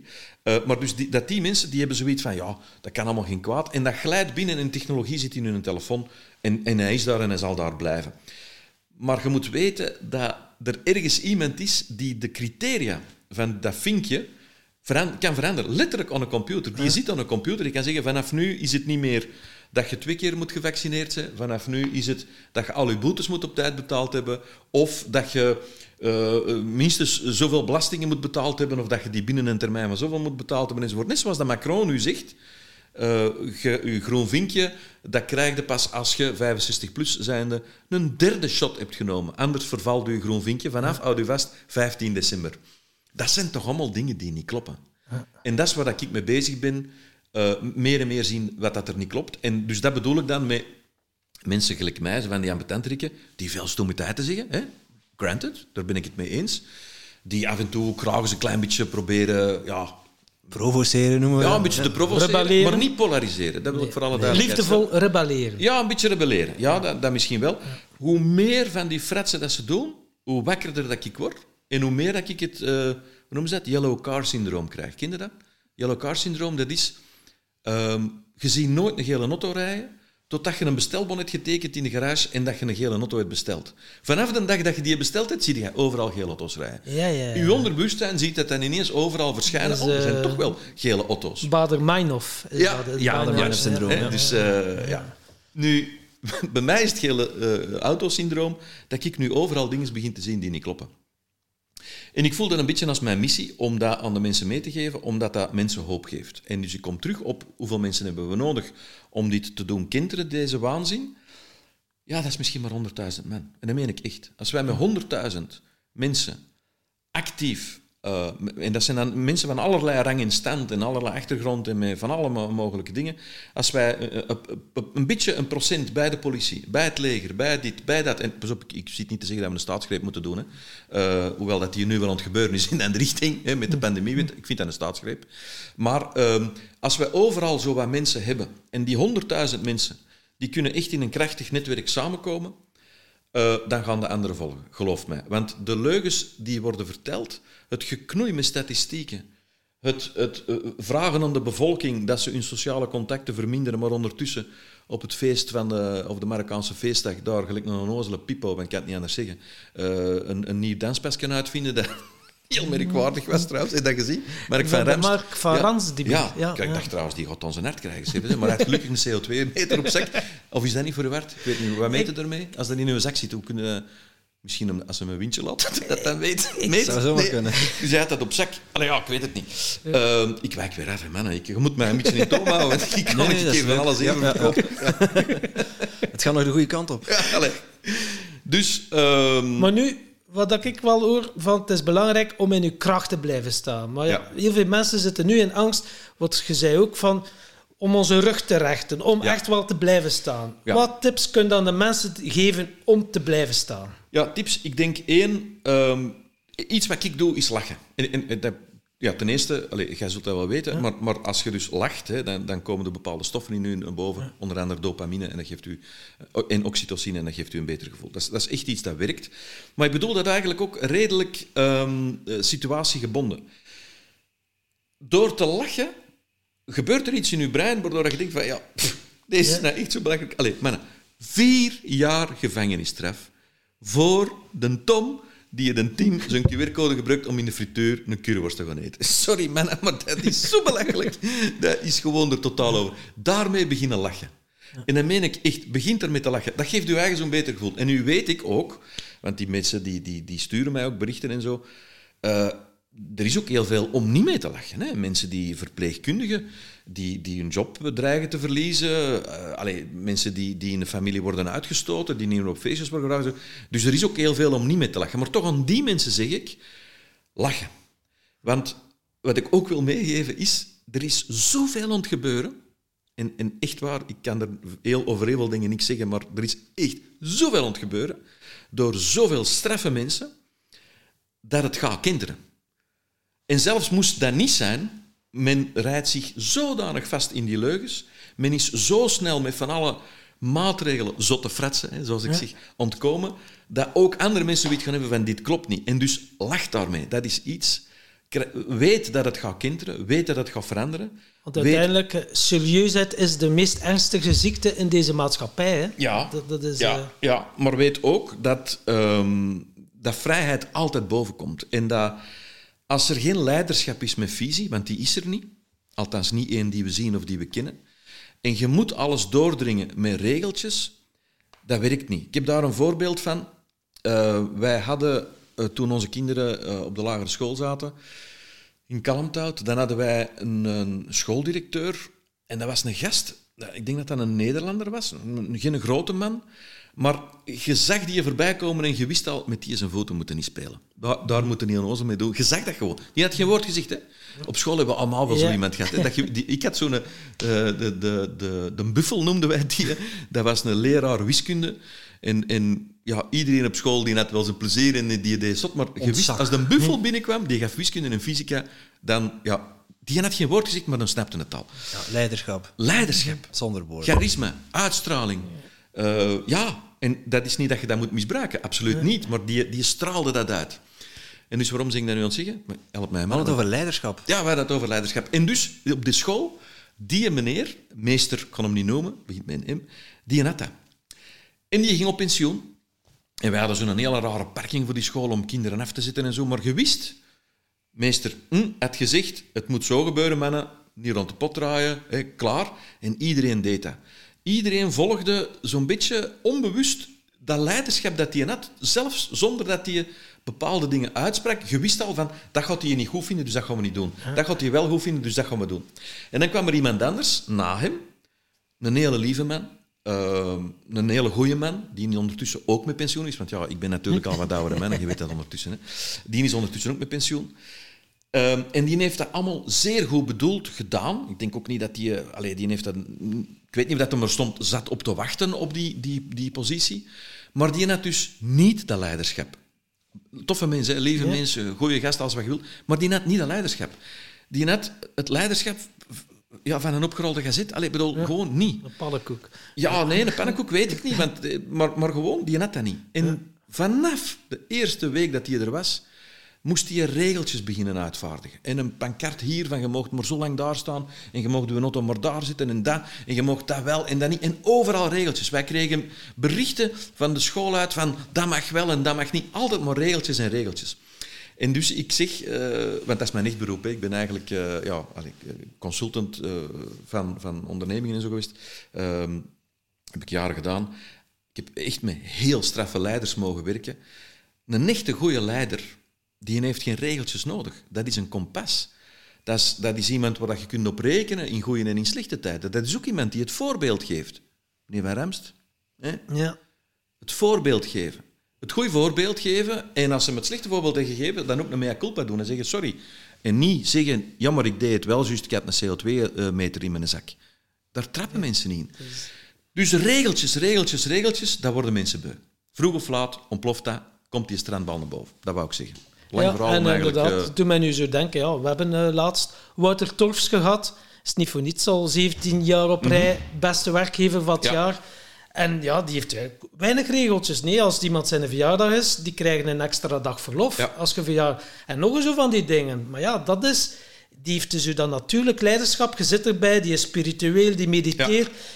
Die stralen uit, die hoeft dus niet van met het vingertje te wijzen en te doen nee. van jij moet dat en dat doen. Ja, en we hadden het net over Christian van Tilo, maar wij waren alle twee, toen we daar een gesprek hadden, ook wel onder de indruk ja, van die man, zijn, nee, zijn charisma, op, en ik heb van zijn leiderschap. Maar die straalt dat ook uit. Ja, hè? dat dus, is ook zo. Dat is trouwens een heel intelligente man. En de, hij is trouwens niet meer uh, uh, CEO, CEO het, ja. op, dit ja. moment. Ja, maar dat wil niks zeggen. Hè? Nee, dat weet ik, weet ik. Maar ja, we, we, we hebben het over leiderschap. Ik ja. vind, het, vind, het, wel een mooi voorbeeld. Uh, we hebben heel veel goede leiders in onze podcast gehad ook. Ja. En ja, het komt allemaal op hetzelfde neer. Als je met de juiste kernwaarden goed in je vel zit en dat wil uitdragen naar buiten toe, ja, dan krijg je automatisch mensen die je volgen. Ja, en je hebt wel iets heel belangrijks gezegd, met de juiste kernwaarden. Uh, want je kunt leiderschap ook misbruiken. Hè? Ja.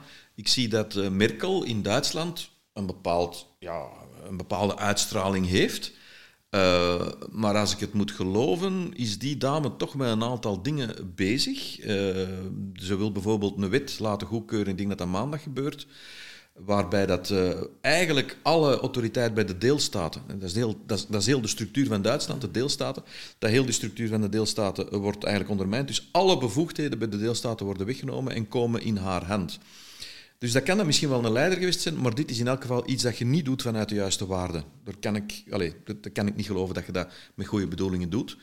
En ook dat beginnen mensen te zien. Als een leider begint zijn zakken te vullen, hoe goed dat die in het begin ook was, als een leider begint de pedalen te verliezen, hoogmoed komt uh, voor de val, zeg ik wel eens. Of zeg ik niet, hè? ik heb dat natuurlijk iedereen Dat is een Ik zeg dat ja, ja. ja. Je mag dat zeggen. Dat is precies van, ja, de, de, de de uit de bovenste, zeg maar. Ja. Eh, dus, allez, ehm, dus leiderschap, ja. En, en, en, en ik, ik heb zeer veel respect voor het ondernemerschap ook eh, van Christian Wantillo. Hoewel dat natuurlijk met een jaarlijkse cheque van 500 miljoen euro de zaken een klein beetje kan vergemakkelijken. Maar goed. Ehm, ik ga mij hier een hoop zeven op mijn nek halen. Dat is, Maar- ik, ik heb al zeven, hè. Het Dus, is, ja. het is wel mooi, zo van, je hebt leiderschap en dan heb je ook nog strijders. We hebben laatst ook Johan Luca en Jesse van der Velde in onze podcast gehad. Eh, en die hadden uh, Johan Luca van de Truman Show, de Ja, podcast. tuurlijk. Ja, ja, Eh, top. Dus eh, dat was ook een de strijder van het 93. eerste uur. Maar die waren nu bezig en Jesse van der Velde was er. En die zeiden van ja, en dat strijden en dat dingen. En nu hebben ze zo eerder iets van ja, wat dat, dat met u doet, het is ook wel belangrijk om naar binnen te keren. En van daaruit, wij zijn gewoon fucking creators. Wij moeten creëren in plaats van ook in de andere kant van dat spectrum te zitten. Want dan zitten we ook in die matrix, in dat verhaal. In plaats van naar binnen te gaan en van daaruit te Ja, werken. maar, en dat, dat is dan... eh, en nu komt echt in, in mijn echt vakgebied, hè, dus dat heeft dan te maken met niet zozeer wat dat je doet, maar waarom dat je doet. En alles begint bij de eerste vraag. Waarom eh, wil ik doen wat ik wil doen? The why. The why, yes. Hè. Ik ben een grote fan van Simon Sinek. Eh, buiten het volgen van deze podcast en misschien van Business Dad moeten zeker Simon Sinek eh, ook gaan volgen. Hij is wel. Engelstalig uiteraard. Maar, dus dat, dat gaat over de why. En, en, en de why is waarom wil je bepaalde dingen doen. En mensen vragen dat ook dikwijls. Waarom doe jij wat dat gaan doen ze? Ja, ik kan wel zeggen, het is niet voor de ego, het is niet voor het gemak, het is niet om meer tijd te krijgen, het is niet om er meer geld mee te verdienen enzovoort. Maar ik vind dat, ehm, ja, why... Mijn, mijn vraag is waarom doe jij het niet? Allee, bedoel, waarom doe ik het? Ja, ik weet waarom dat ik het doe. Ik denk dat ik het doe om, omdat ik eh, ja, op, op een of andere manier mensen hoop kan geven. Omdat ik op een of andere manier een spreekbuis kan zijn, denk ik, voor zeer veel mensen. En omdat ik ook eh, echt oprecht overtuigd ben dat, dat we dit, eh, deze waanzin moeten stoppen. Omdat ik vier kinderen heb en dat ik hen en alle anderen eh, die na ons komen, dat we, dat we die een betere toekomst moeten kunnen geven op allerlei mogelijke manieren. En hier zie ik dan ineens zo een soort eh, donkere vlag voorbij komen. En denk ik, wacht even, wat is die vlag? Ja, dat gaan we niet laten passeren. Dat is mijn why. Wat dat je doet, dat is dan uw tweede vraag. Dat is grappig, want ik heb denk ik juist vandaag daarover een Instagram-post gezet. Eh, eerst uw waarom, dan uw wat. Heel duidelijk nadenken over uw wat. Ja, mijn wat is de vrijheidsberoving. Mijn wat is niet het virus. Mijn wat is niet de vaccinatie.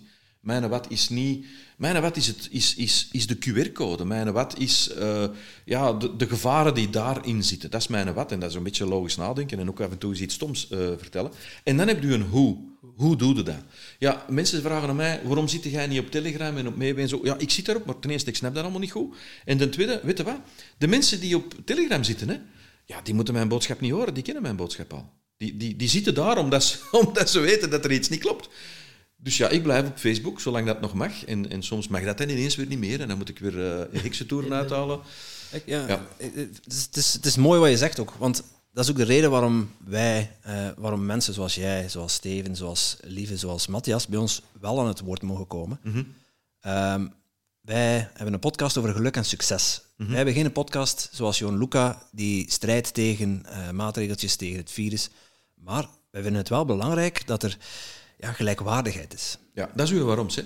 Wij vinden het belangrijk dat er gelijkwaardig Dat is uw why. Ja, gelijkwaardigheid. Eh, en de wat, hè, dat, dat mensen zelf hun waarheid kunnen ontdekken, Ja. dat ze zelf hun route kunnen uitstippelen naar geluk en succes. En polarisatie draagt daar niet aan bij. Hè, mensen. Angst draagt daar niet aan bij. Het gaat om vertrouwen. Hè. Wij spreken wel eens over de, de vierde, de vijfde dimensie, over eh, vertrouwen, het en-en. Dat er geen concurrentie is, maar dat er alleen maar Ja. meer is, voor, dat er genoeg is voor iedereen. Abundance. Abundance. Ja. Abundance, er is abundance. En de hoe is eigenlijk, we zijn podcast, een beetje, ja. ja. de hoe is, eh, ja, Onze Wij podcast, ja. Overvloed, wij zijn eh, de, de proeftuin van de persoonlijke ontwikkeling. Top. En mensen zo, oké, dan gaat het een keer over hypnose, dan gaat het over plantmedicijn, dan gaat het over dat. Over Eh, coaches, gezondheidscoachen, business. eh, noem maar op, alles. En mensen kunnen proeven. Wauw, dat is een goede tip. En willen ze er verder dat pad bewandelen? Ja. Tuurlijk kunnen ze mee in contact brengen. En dat is uiteindelijk de bedoeling. Mensen inspireren tot een bewust, gezond, gelukkig en succesvol leven. Infospireren, dat is mooi. Inspireren. Ja. Ik vind het fantastisch wat je al doet. En ik, ik vind het ook echt heel mooi dat ik hier deze boodschap eh, mag brengen. Allee, boodschap. Dat ik hier gewoon, Ja. wat ik voor sta nu, eh, eh, kan brengen. Ehm, en, en ik denk dat het gewoon belangrijk is dat mensen snappen dat er heel veel mensen ehm, ja, toch zich vragen stellen bij een aantal dingen die niet kloppen. En dus mijn hoe vandaag is ja, al die niet kloppende dingen, al die gele auto's naar boven halen. En ze zijn allemaal welkom. Hè. Vandaag zei ik bijvoorbeeld, ineens viel mij een frank van, "Goh, non de. Ik heb, krijg wat krantenartikels, 2016, alle ziekenhuisbedden liggen vol, groot probleem, eh, ja, we kunnen niet volgen, griepepidemie, man, man, man, man, grote paniek overal. 2017, juist hetzelfde. Hetzelfde. Griepepidemie, ziekenhuizen liggen vol, oei oei oei, handen in ons haar, ziekenhuis, bidden, op de gang enzovoort. 2018, identiek. 2019, identiek. 2020, geen griep. Dat was Geen grip. Geen grip. Nee. En we mochten, niet, we mochten niet meer buiten. Eh, en, en dus, eh, gewoon 2016, 17, 18, 19. Toen was er geen, eh, geen pas die je moest tonen om te laten zien dat je gevaccineerd wordt. Dus dan heb ik zoiets van, ja, dat klopt dan toch niet? Allee, ik bedoel, Het werd wel gedaan, overigens. Hè? Dus de zwakkere bevolkingsgroep werd aangeboden ja, om, om jaarlijks... maar je moest niet in een griep- frituur laten zien dat je gevaccineerd wordt voordat Dat je binnen mocht. Dat Ja, dat is mijn punt. Dus nogmaals, over dat vaccin, of dat die griepsvaccins werken of werkten, dat weet ik niet.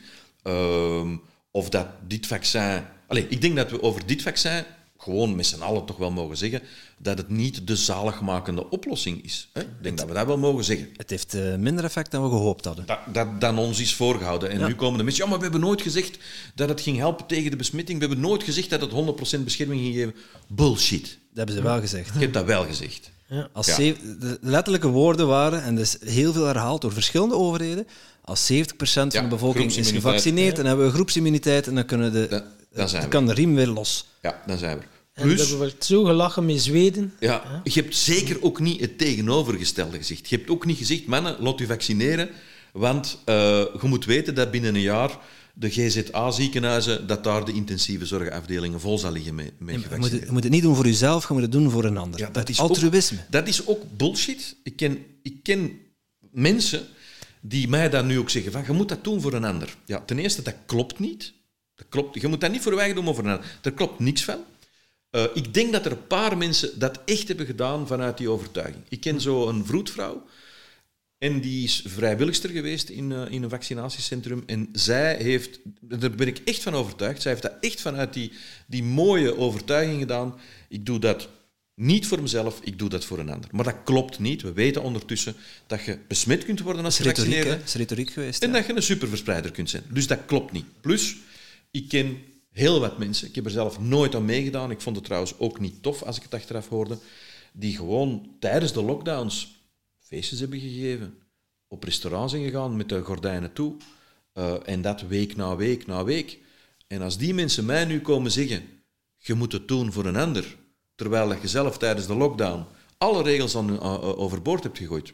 Jij hebt het vaccin genomen omdat je op reis kon ja. gaan. Jij hebt dat vaccin genomen omdat je dan in de frituur die je curryworst kon gaan eten.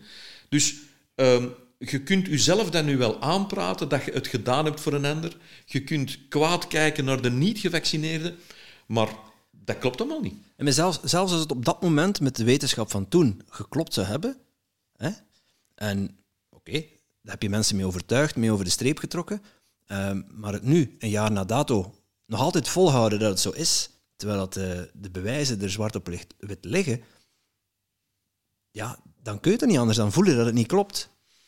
Ja, maar dat is volgens mij het proces dat nu aan het plaatsgrijpen is, eh, Tim. Ik denk dat de politiek eh, beseft dat datgene wat ze ons hebben voorgespiegeld, de beloftes die ze hebben gemaakt, die hangen nu met haken en ogen aan elkaar van de leugens. Hè. Ik had een, de buffel, waar ik daar net over sprak, leraar wiskunde, die zei, statistiek is een wiskundige manier om te liegen.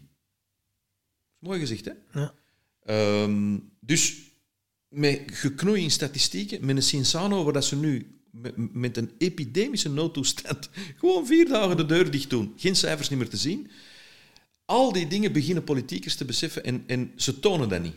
Uh, maar ik denk als je heel goed lichaamstaal kunt lezen, en ik ben daar redelijk goed in, uh, maar los van mij, als je heel goed kijkt, dan zie je de angst die er vanaf druipt.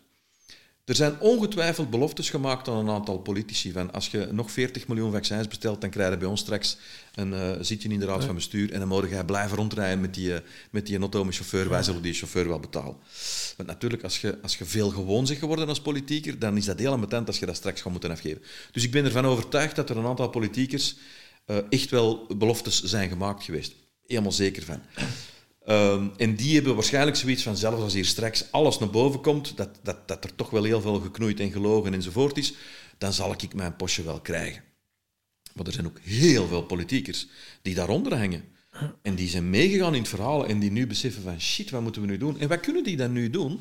Ja, die kunnen ofwel zeggen van we gaan nog wat meer macht aan ons geven en we gaan, we gaan die zelfmoord waar we mee bezig zijn wat uitstellen. Want volgens mij is het dat. Want het komt naar boven.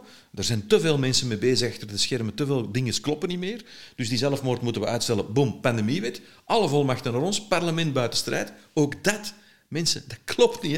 Hè? Kijk, als er oorlog is uh, en alle straten staan in brand en de V2-raketten die worden overal op ons afgestuurd, dat je dan zegt, we hebben een soort crisiskabinet en die gaan beslissen wat er mag gebeuren tot daaraan toe. Maar ik vraag nu aan iedereen, aan iedereen dat ik ken, ik heb het dan al nog niet gevraagd, maar ik kan het zelf eens vragen, ik ontken niet dat er een pandemie geweest is. Ik weet dat niet. Ik ontken niet dat er corona of covid geweest is. Ik zeg niet dat uh, het vaccin niet werkt. Ik heb zelf corona gehad.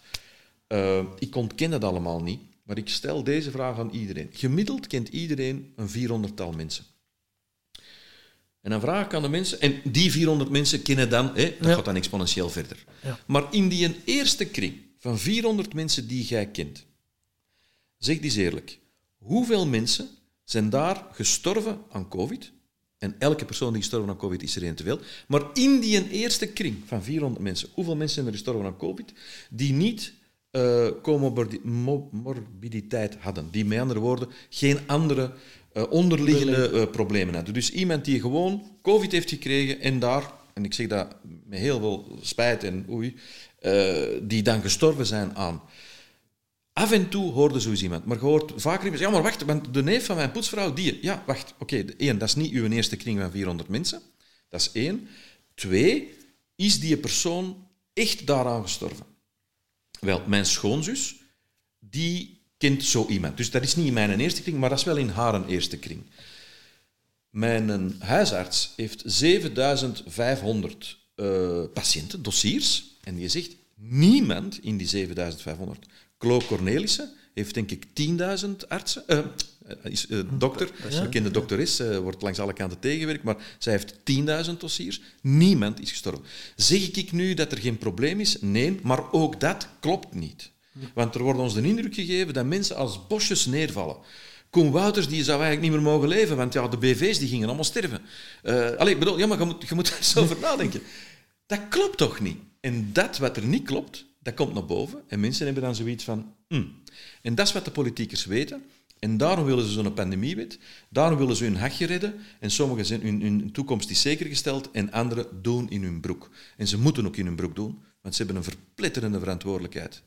En ik wil niet polariseren, maar we mogen dit straks, die zwarte vlag die is voorbijgekomen en die we hebben laten verdwijnen, want dat is hetgeen dat er gaat gebeuren, dit mag niet zomaar voorbij gaan. Het is 83 jaar geleden de Kristalnacht. We hebben hem terug meegemaakt op een uh, ja, mini-micro-manier in Mechelen in het restaurant Julia. Dat was voor mij een Kristalnacht. 83 jaar geleden, dag op dag, de nacht van 9 op 10 november, was in 1938 de Kristalnacht. Het begin van het einde voor een heel groot deel van de Joodse bevolking. Dus ja, ja, waarop, Dit is wat er nu aan het gebeuren is. Waarop de Gestapo en de nazi's overal zijn binnengedrongen van de een op de andere dag in, uh, in huizen om mensen te arresteren. 7500 omdat ze bedrijven zijn. zijn. vernield toen. Ja. Gewoon puur en alleen omdat ze, omdat ze Joods een bepaald waren. geloof aanhangen. Ja. ja. Dus um, Ja. En hoe ver zitten we nu al? Ja, want de propaganda is toch wel al goed bezig. Hè? Mensen zeggen, hey, je mag het niet vergelijken met de Tweede Wereldoorlog. Dat, dat is, Waarom eh, mag dat niet? Ja, heel veel mensen zeggen dat. Is dat, dat kunnen niet vergelijken. Dat is ongemakkelijk. Ongemakkelijk, hè? Maar waarom mogen we niet vergelijken met Voilà. het... Ik krijg die opmerking ook, hè, toen ik Ja. dat filmpje maakte over die kristalnacht. Eh, wie zit jij om die vergelijking te maken enzovoort. Wie dat ik ben? Ja, ik ben iemand in wiens familie mensen zijn opgepakt en die niet zijn teruggekomen. Dus ik heb recht van spreken, denk ik. Allee, ik zelf niet. Maar, maar ja, eh, sorry, ik maak die vergelijking absoluut wel. Ja. Wat er gebeurd is in restaurant eh, Julia, dat eh, zijn eh, Gestapo-praktijken. Punt aan de lijn. Ja.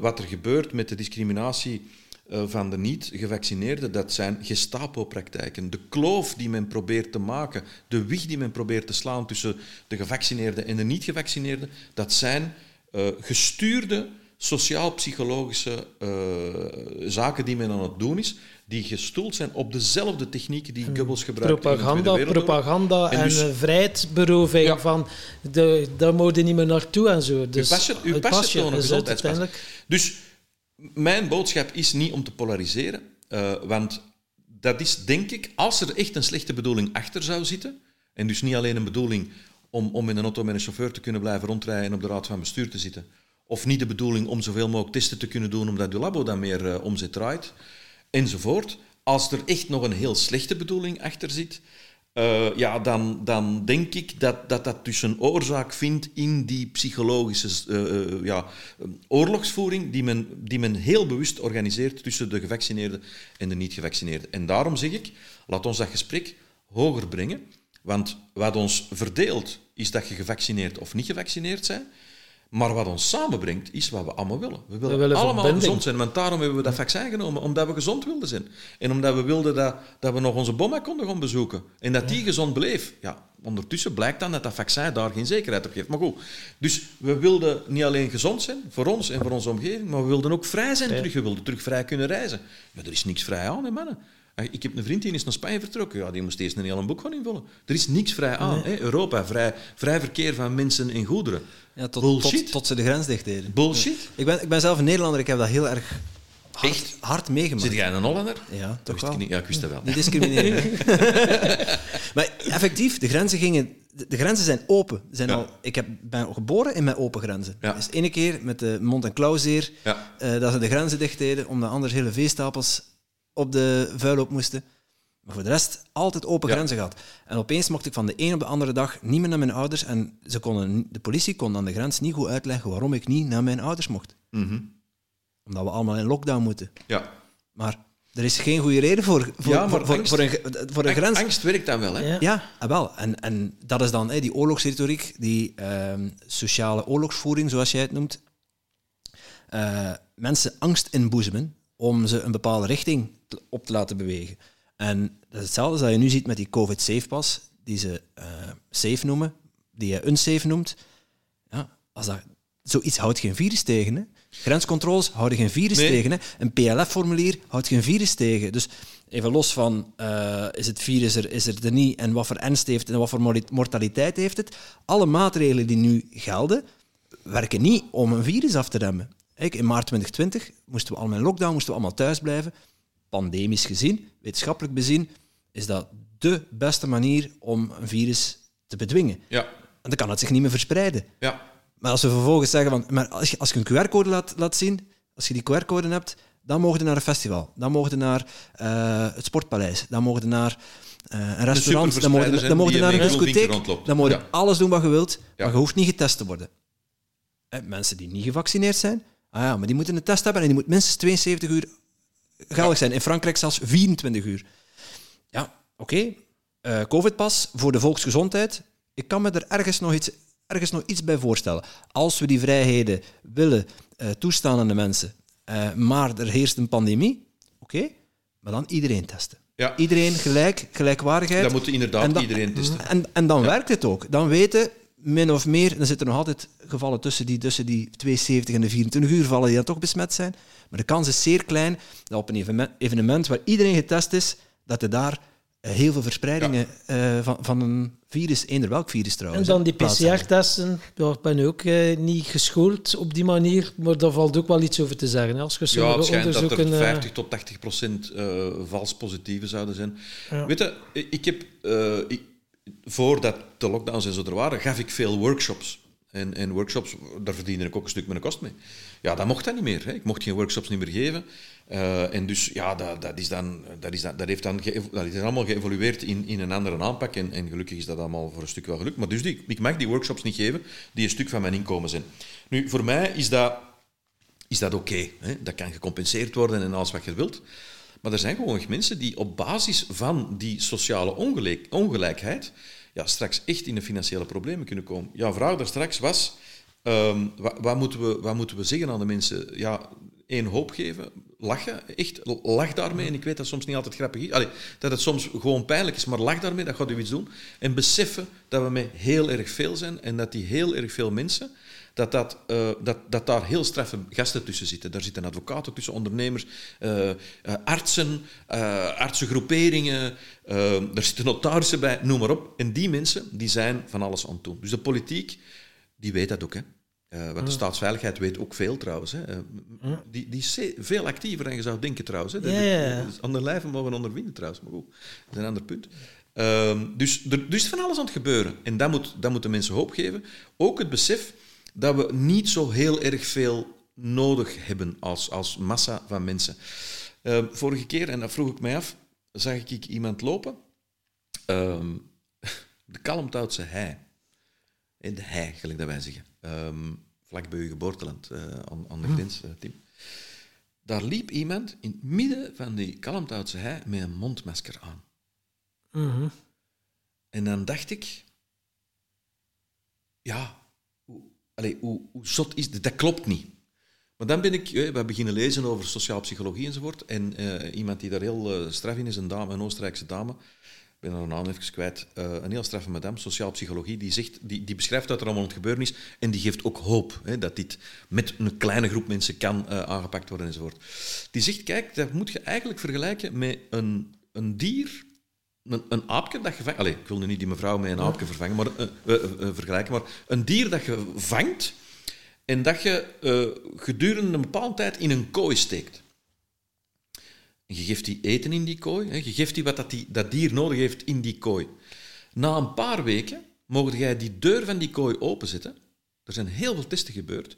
Dat dier durft daar niet meer uit. Er zijn zelfs dieren die die poort of de, dat turken van die kooi dichttrekken. Ik vind dat Wauw.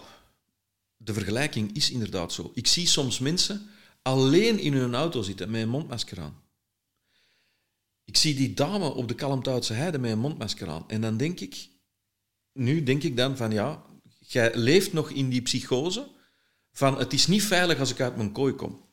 En ook dat vind ik, dat, daar vind ik dat ook sommige mensen een verpletterende verantwoordelijkheid hebben. Want die dame, voordat die terug een veilig gevoel krijgt in de open natuur, mensen, waar dat we met meer moeten naartoe gaan. Hè. We moeten meer in de natuur zitten, we moeten, we moeten juist meer sporten en niet, niet, niet, niet buiten gehouden worden van die fitness enzovoort. We moeten dat allemaal meer doen. Dat die daar rondloopt en voordat die terug dat gevoel krijgt van oh, ik kan hier terug ademen, dat is, dat is een trauma dat die gaat moeten overwinnen. En dat is, zijn dat is inderdaad zo- crimineel. Zijn zo van die experimenten dat ze deden, eh, gevangenen en cipiers. hè, Zo'n groep Ja. dat om den duur echt wel... eh, dat, ze hebben het moeten stoppen, dat experiment. Hoe dat het toch die orders zo opneemt. En dat waren allemaal proefpersonen. Ja. En eh, een, een groep gevangenen en een groep Ja, ja. cipiers. Ja. En, ik, en ik dacht van... Ik ging over laatst naar het containerpark. Ik stond er helemaal alleen. En ja, ik doe nergens mijn mondmasker aan. Ja, oké, mensen kunnen zeggen, je kunt er wat van vinden. Oké, eh, als mensen zeggen, oké, winkel verlaat, oké, to do. Ja. Tot, tot nooit meer. Ik doe er niet aan mee. Ja. Dat is mijn keuze. Eh, maar ik stond er en die eh, mensen die zei... Hé, hey, uw mondmasker. Maar ik zei, ik sta hier helemaal alleen, hè. Ja, mondmasker aan. Maar dat is echt orders, hè. En die mensen staan er, maar die hebben zo'n gevoel van macht, hè. Dan ze kunnen zeggen van... En dat doet mij zo gevoel- denken... Dat is een gevoel van macht, maar ook daar moeten we lachen. Eh, Ja, tuurlijk, want- tuurlijk. Want ook daar gaan mensen niet zien. Want Maar dat is grappig. En ik deed dan aan, maar ik zette het ja, Ja. niet boven mijn neus. En dan kwam hij nog een keer terug. Hey, Ja. Moet wel over uw neus doen, hè. Maar ik lachte er weer. Ik zei, oh my god, man. Ja, dat had Maar dus wat je op die moment niet moet doen, en ik moet, soms, ik moet mij soms echt inhouden, want ik, ik ben, ben nogal impulsief, je moet niet in discussie gaan, want dan gaat het polariseren. Ja. En ik denk, als er dus inderdaad een grote slechte bedoeling achter zit, dan is dat men wil dat er gepolariseerd wordt. Eh, ja, je weet dat er stemmen zijn die, die, die zeggen... eh, Ernst Wolf zegt dat bijvoorbeeld. eh, dat is iemand die voor het IMF heeft gewerkt, eh, als ik me niet vergis. Eh, die het toch wel echt wel een heel intelligente economisch en, en, en kennis van zaken heeft. Die zegt, wat er een van de redenen dat dit zou kunnen ontgebeuren zijn, is omdat het, het systeem zoals dat werkte, dat, dat acht of negen of tien jaar geleden gecrashed is, dat men dat kunstmatig heeft in leven gehouden, maar dat dat eigenlijk niet meer houdbaar is. Dus heel dat systeem moet veranderen. En dan denk ik, ja, het zal wel of het zal niet. Maar dan begin ik ineens te zien dat mijn schoonvader van een maandelijkse gasrekening of, of nutsvoorzieningrekening van 70 euro nu ineens naar 200 euro gaat. Ik heb een vriend die vandaag post, die zegt, ja, mijn gasrekening is normaal 150 euro. Ik moet nu 650 of 600 euro gaan betalen. Dus dat zijn een aantal dingen die, die, die zo'n Ernst Wolf dan ook zegt. Hè, van kijk, Uw auto rijdt op water? ja, de prijzen gaan naar boven. Eh, de, de, de gasprijzen gaan naar boven. Uh, allee, er gebeuren van alle dingen waarvan ik denk, dat klopt toch niet. Hoe komt dat nu? Is er nu ineens een gastekort? Allee, ik, ik weet het niet. Hè. Ik ben, ben op dat vlak natuurlijk ook weer geen expert. Maar, dus mijn, mijn taak nu is dingen die niet kloppen, gewoon naar boven halen. En heb ik gelijk? Tof, daar gaat het niet over. Heb ik ongelijk? Even goed, daar gaat het niet over. Maar mensen doen inzien dat het niet klopt. En op die manier niet die, ver, die ver, uh, verspreiding, die, nee, die, die nee, in tweespalt, maar gewoon verbinding. Mensen, verbinding, ja. hè? Verbinding. En, en ook in, in, vraag durven stellen. Hè? En, en ja, mensen die echt giftig zijn, die toxisch zijn, die gewoon negeren. Hè? Ik, heb, ik heb regelmatig uh, uh, wat beledigingen en zo die ik moet meekrijgen. Maar ik had, deze week had ik een post gezet.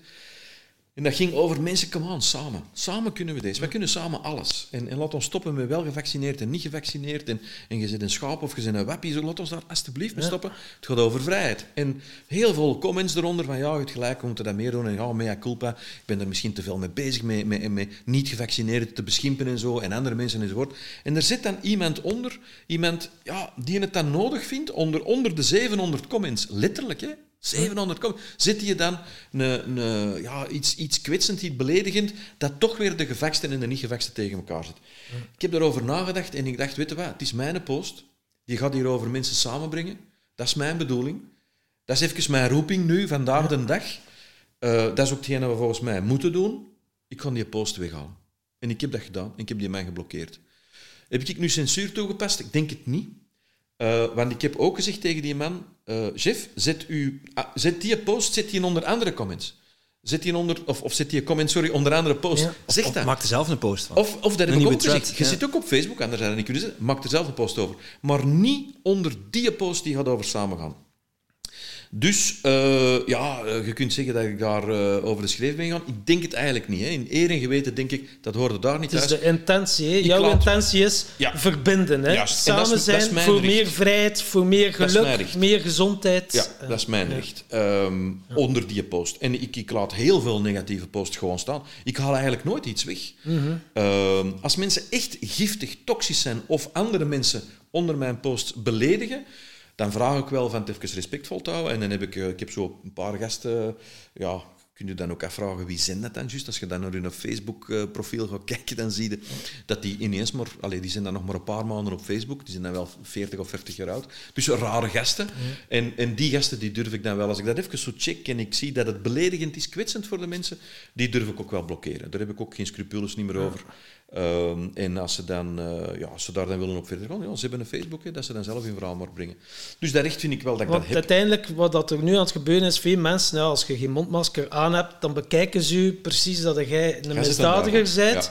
Dan hebben ze het, oh my god, ja, de beste manier is er niet mee omgaan. Of dan krijg je het opmerken. Dat is allemaal door u, jong, dat we hier in die situatie zitten. Egoïst. Egoïst, ja. En dan oké, okay, Ja. dan hebben ze zoiets... Ja, ik ben ook ja, ben hypnotiseur. Ja, maar- En dan heb ik zoiets, oké, wat, wat doet dat met mij? En dan heb ik... Oké, ik laat dat binnenkomen. Ah, wat doet dat met mij? En dan ben ik eigenlijk wel dankbaar dat dat stuk naar boven komt. Dat is goed. Dat ik zoiets heb van... Ja. Wauw, dank u. Er zit hier nog iets in mij, nog een soort frustratie, irritatie, woede. Dank u wel. Ik kan ermee aan de slag gaan. Ja, en ook, ik, heb dan, allee, ik denk dat je dan ook zo'n reactie kunt hebben van, ik, ik, ik begrijp dat die man dat denkt. Ja. Die zit in die kooi, ze hebben die in die kooi gezet, ze hebben dat durken opengezet. En, en ze hebben er ook aan verteld dat hem in die kooi moet zitten, omdat alle mensen er rond, die, die gelijk zotten vrij rondlopen, dat dat, dat, een gevaar, eh, dat die een gevaar betekenen voor hem. En dus, eh, dat is ook zo. Maar, maar iets heel belangrijk dat we moeten beseffen, met z'n allen, en dat gaat misschien ook helpen om die polarisatie wat tegen te gaan, wij moeten niet iedereen overtuigen. Wij moeten niet alle Belgen overtuigen. Dat is niet nodig. Wij hebben 100.000 man nodig die sterk zijn, die slim zijn, die, die, die, die praten, maar die vooral ook doen. Ehm, dat hebben wij nodig. En dan keren wij dit gewoon om. En dat gaat knip gebeuren. Dat gaat op een maandagochtend gaat ineens op, opnieuw midden- zien dat er, dat er van alles en nog wat aan Het is. middenveld, het middenveld is 60%. Gaat 20% dat je niet kunt overtuigen. Dat is net zoals je een getuige van Jehovah wilt overtuigen dat God niet bestaat. Weet je?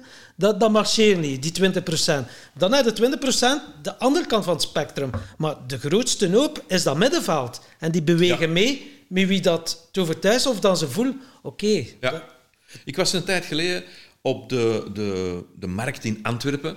Ja, dat klinkt dan zo precies dat ik mijn aubergine en mijn, en mijn tomaten ga kopen. Dat is gewoon om daar een glasje wijn te gaan drinken. Dat is gewoon heel simpel. Dat is er altijd heel gezellig. Ik heb Dan daar- moet, je, dan moet je geen pas hebben. nee, dat is juist. Ik heb daar een goede vriend, en Alain, eh, echt een toffe gast. En die heeft daar een, een krokettenzaak. En dat is daar altijd ambiance, dat is er altijd tof. En ik stond daar. En ik kom dus ook op voor de niet-gevaccineerden. Hè. Gewoon, ik, ik, allee, ik vind dat die mensen eh, dat die een oneerlijke Dat zijn ook mensen. Hè? dat zijn uiteraard ook mensen. En dat zijn mensen die om, om goede redenen, of om medische redenen, om ethische redenen, om principiële redenen, die in elk geval eh, eh, een gevaccineerde niet in gevaar brengen. Want ja, waarom heb je dan het vaccin gepakt? Hè? Daar moet er eens over nadenken.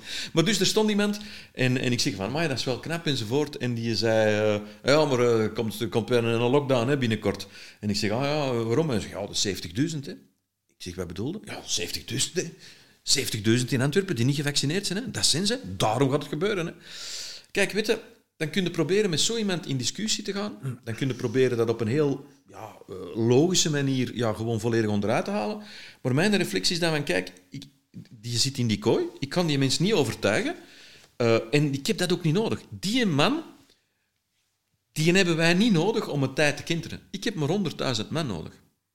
En die 100.000 man die hebben we al meer dan genoeg. We moeten alleen zien dat we ze samen kunnen brengen. En dat, dat al die groeperingen samenkomen. En dus daarom dat die ondernemers ook bepaalde acties ondernemen om die mensen samen te brengen. En dat gaat ook gewoon lukken. Dat gaat gewoon lukken. Met of zonder mij, dit gaat lukken. Zulke mensen kan- kunnen alleen maar overtuigd worden als er iemand in een nabije omgeving een vaccin neemt en ineens valt hij dood. Of iets heel ernstigs aan de hand. Nee. En die legt de dingen en zo van... Zelfs dat nog niet. Maar waarom, waarom moeten we die mensen overtuigen? Nee, we moeten die moeten, niet we hoeven overtuigen. ze niet boodschap. overtuigen, Dat is maar mijn boodschap. Trouwens, ik zal u zeggen, ik heb ondertussen een aantal mensen gehoord, en dat is ook dat is eh, in de psychologie een, eh, iets wat heel duidelijk beschreven is. Je kunt het op een bepaald moment ook niet meer zien. Ik heb een aantal mensen die... eh, allee, ik ken iemand en die zegt op een bepaald moment zegt tegen mij, "Amai, vorige week lag ik tussen, tussen leven en dood in het ziekenhuis. Ik zeg, "Amai, wat is er gebeurd? Hij zegt, ja, en uh, het is echt wel heel pittig geweest. Ehm, ik ben uh, opgenomen, want ik had een hartspierontsteking. En, nee, bloedklonter in mijn been, sorry, zo was het. Hartspierontsteking was iemand anders. Bloedklonter in mijn been, enzovoort.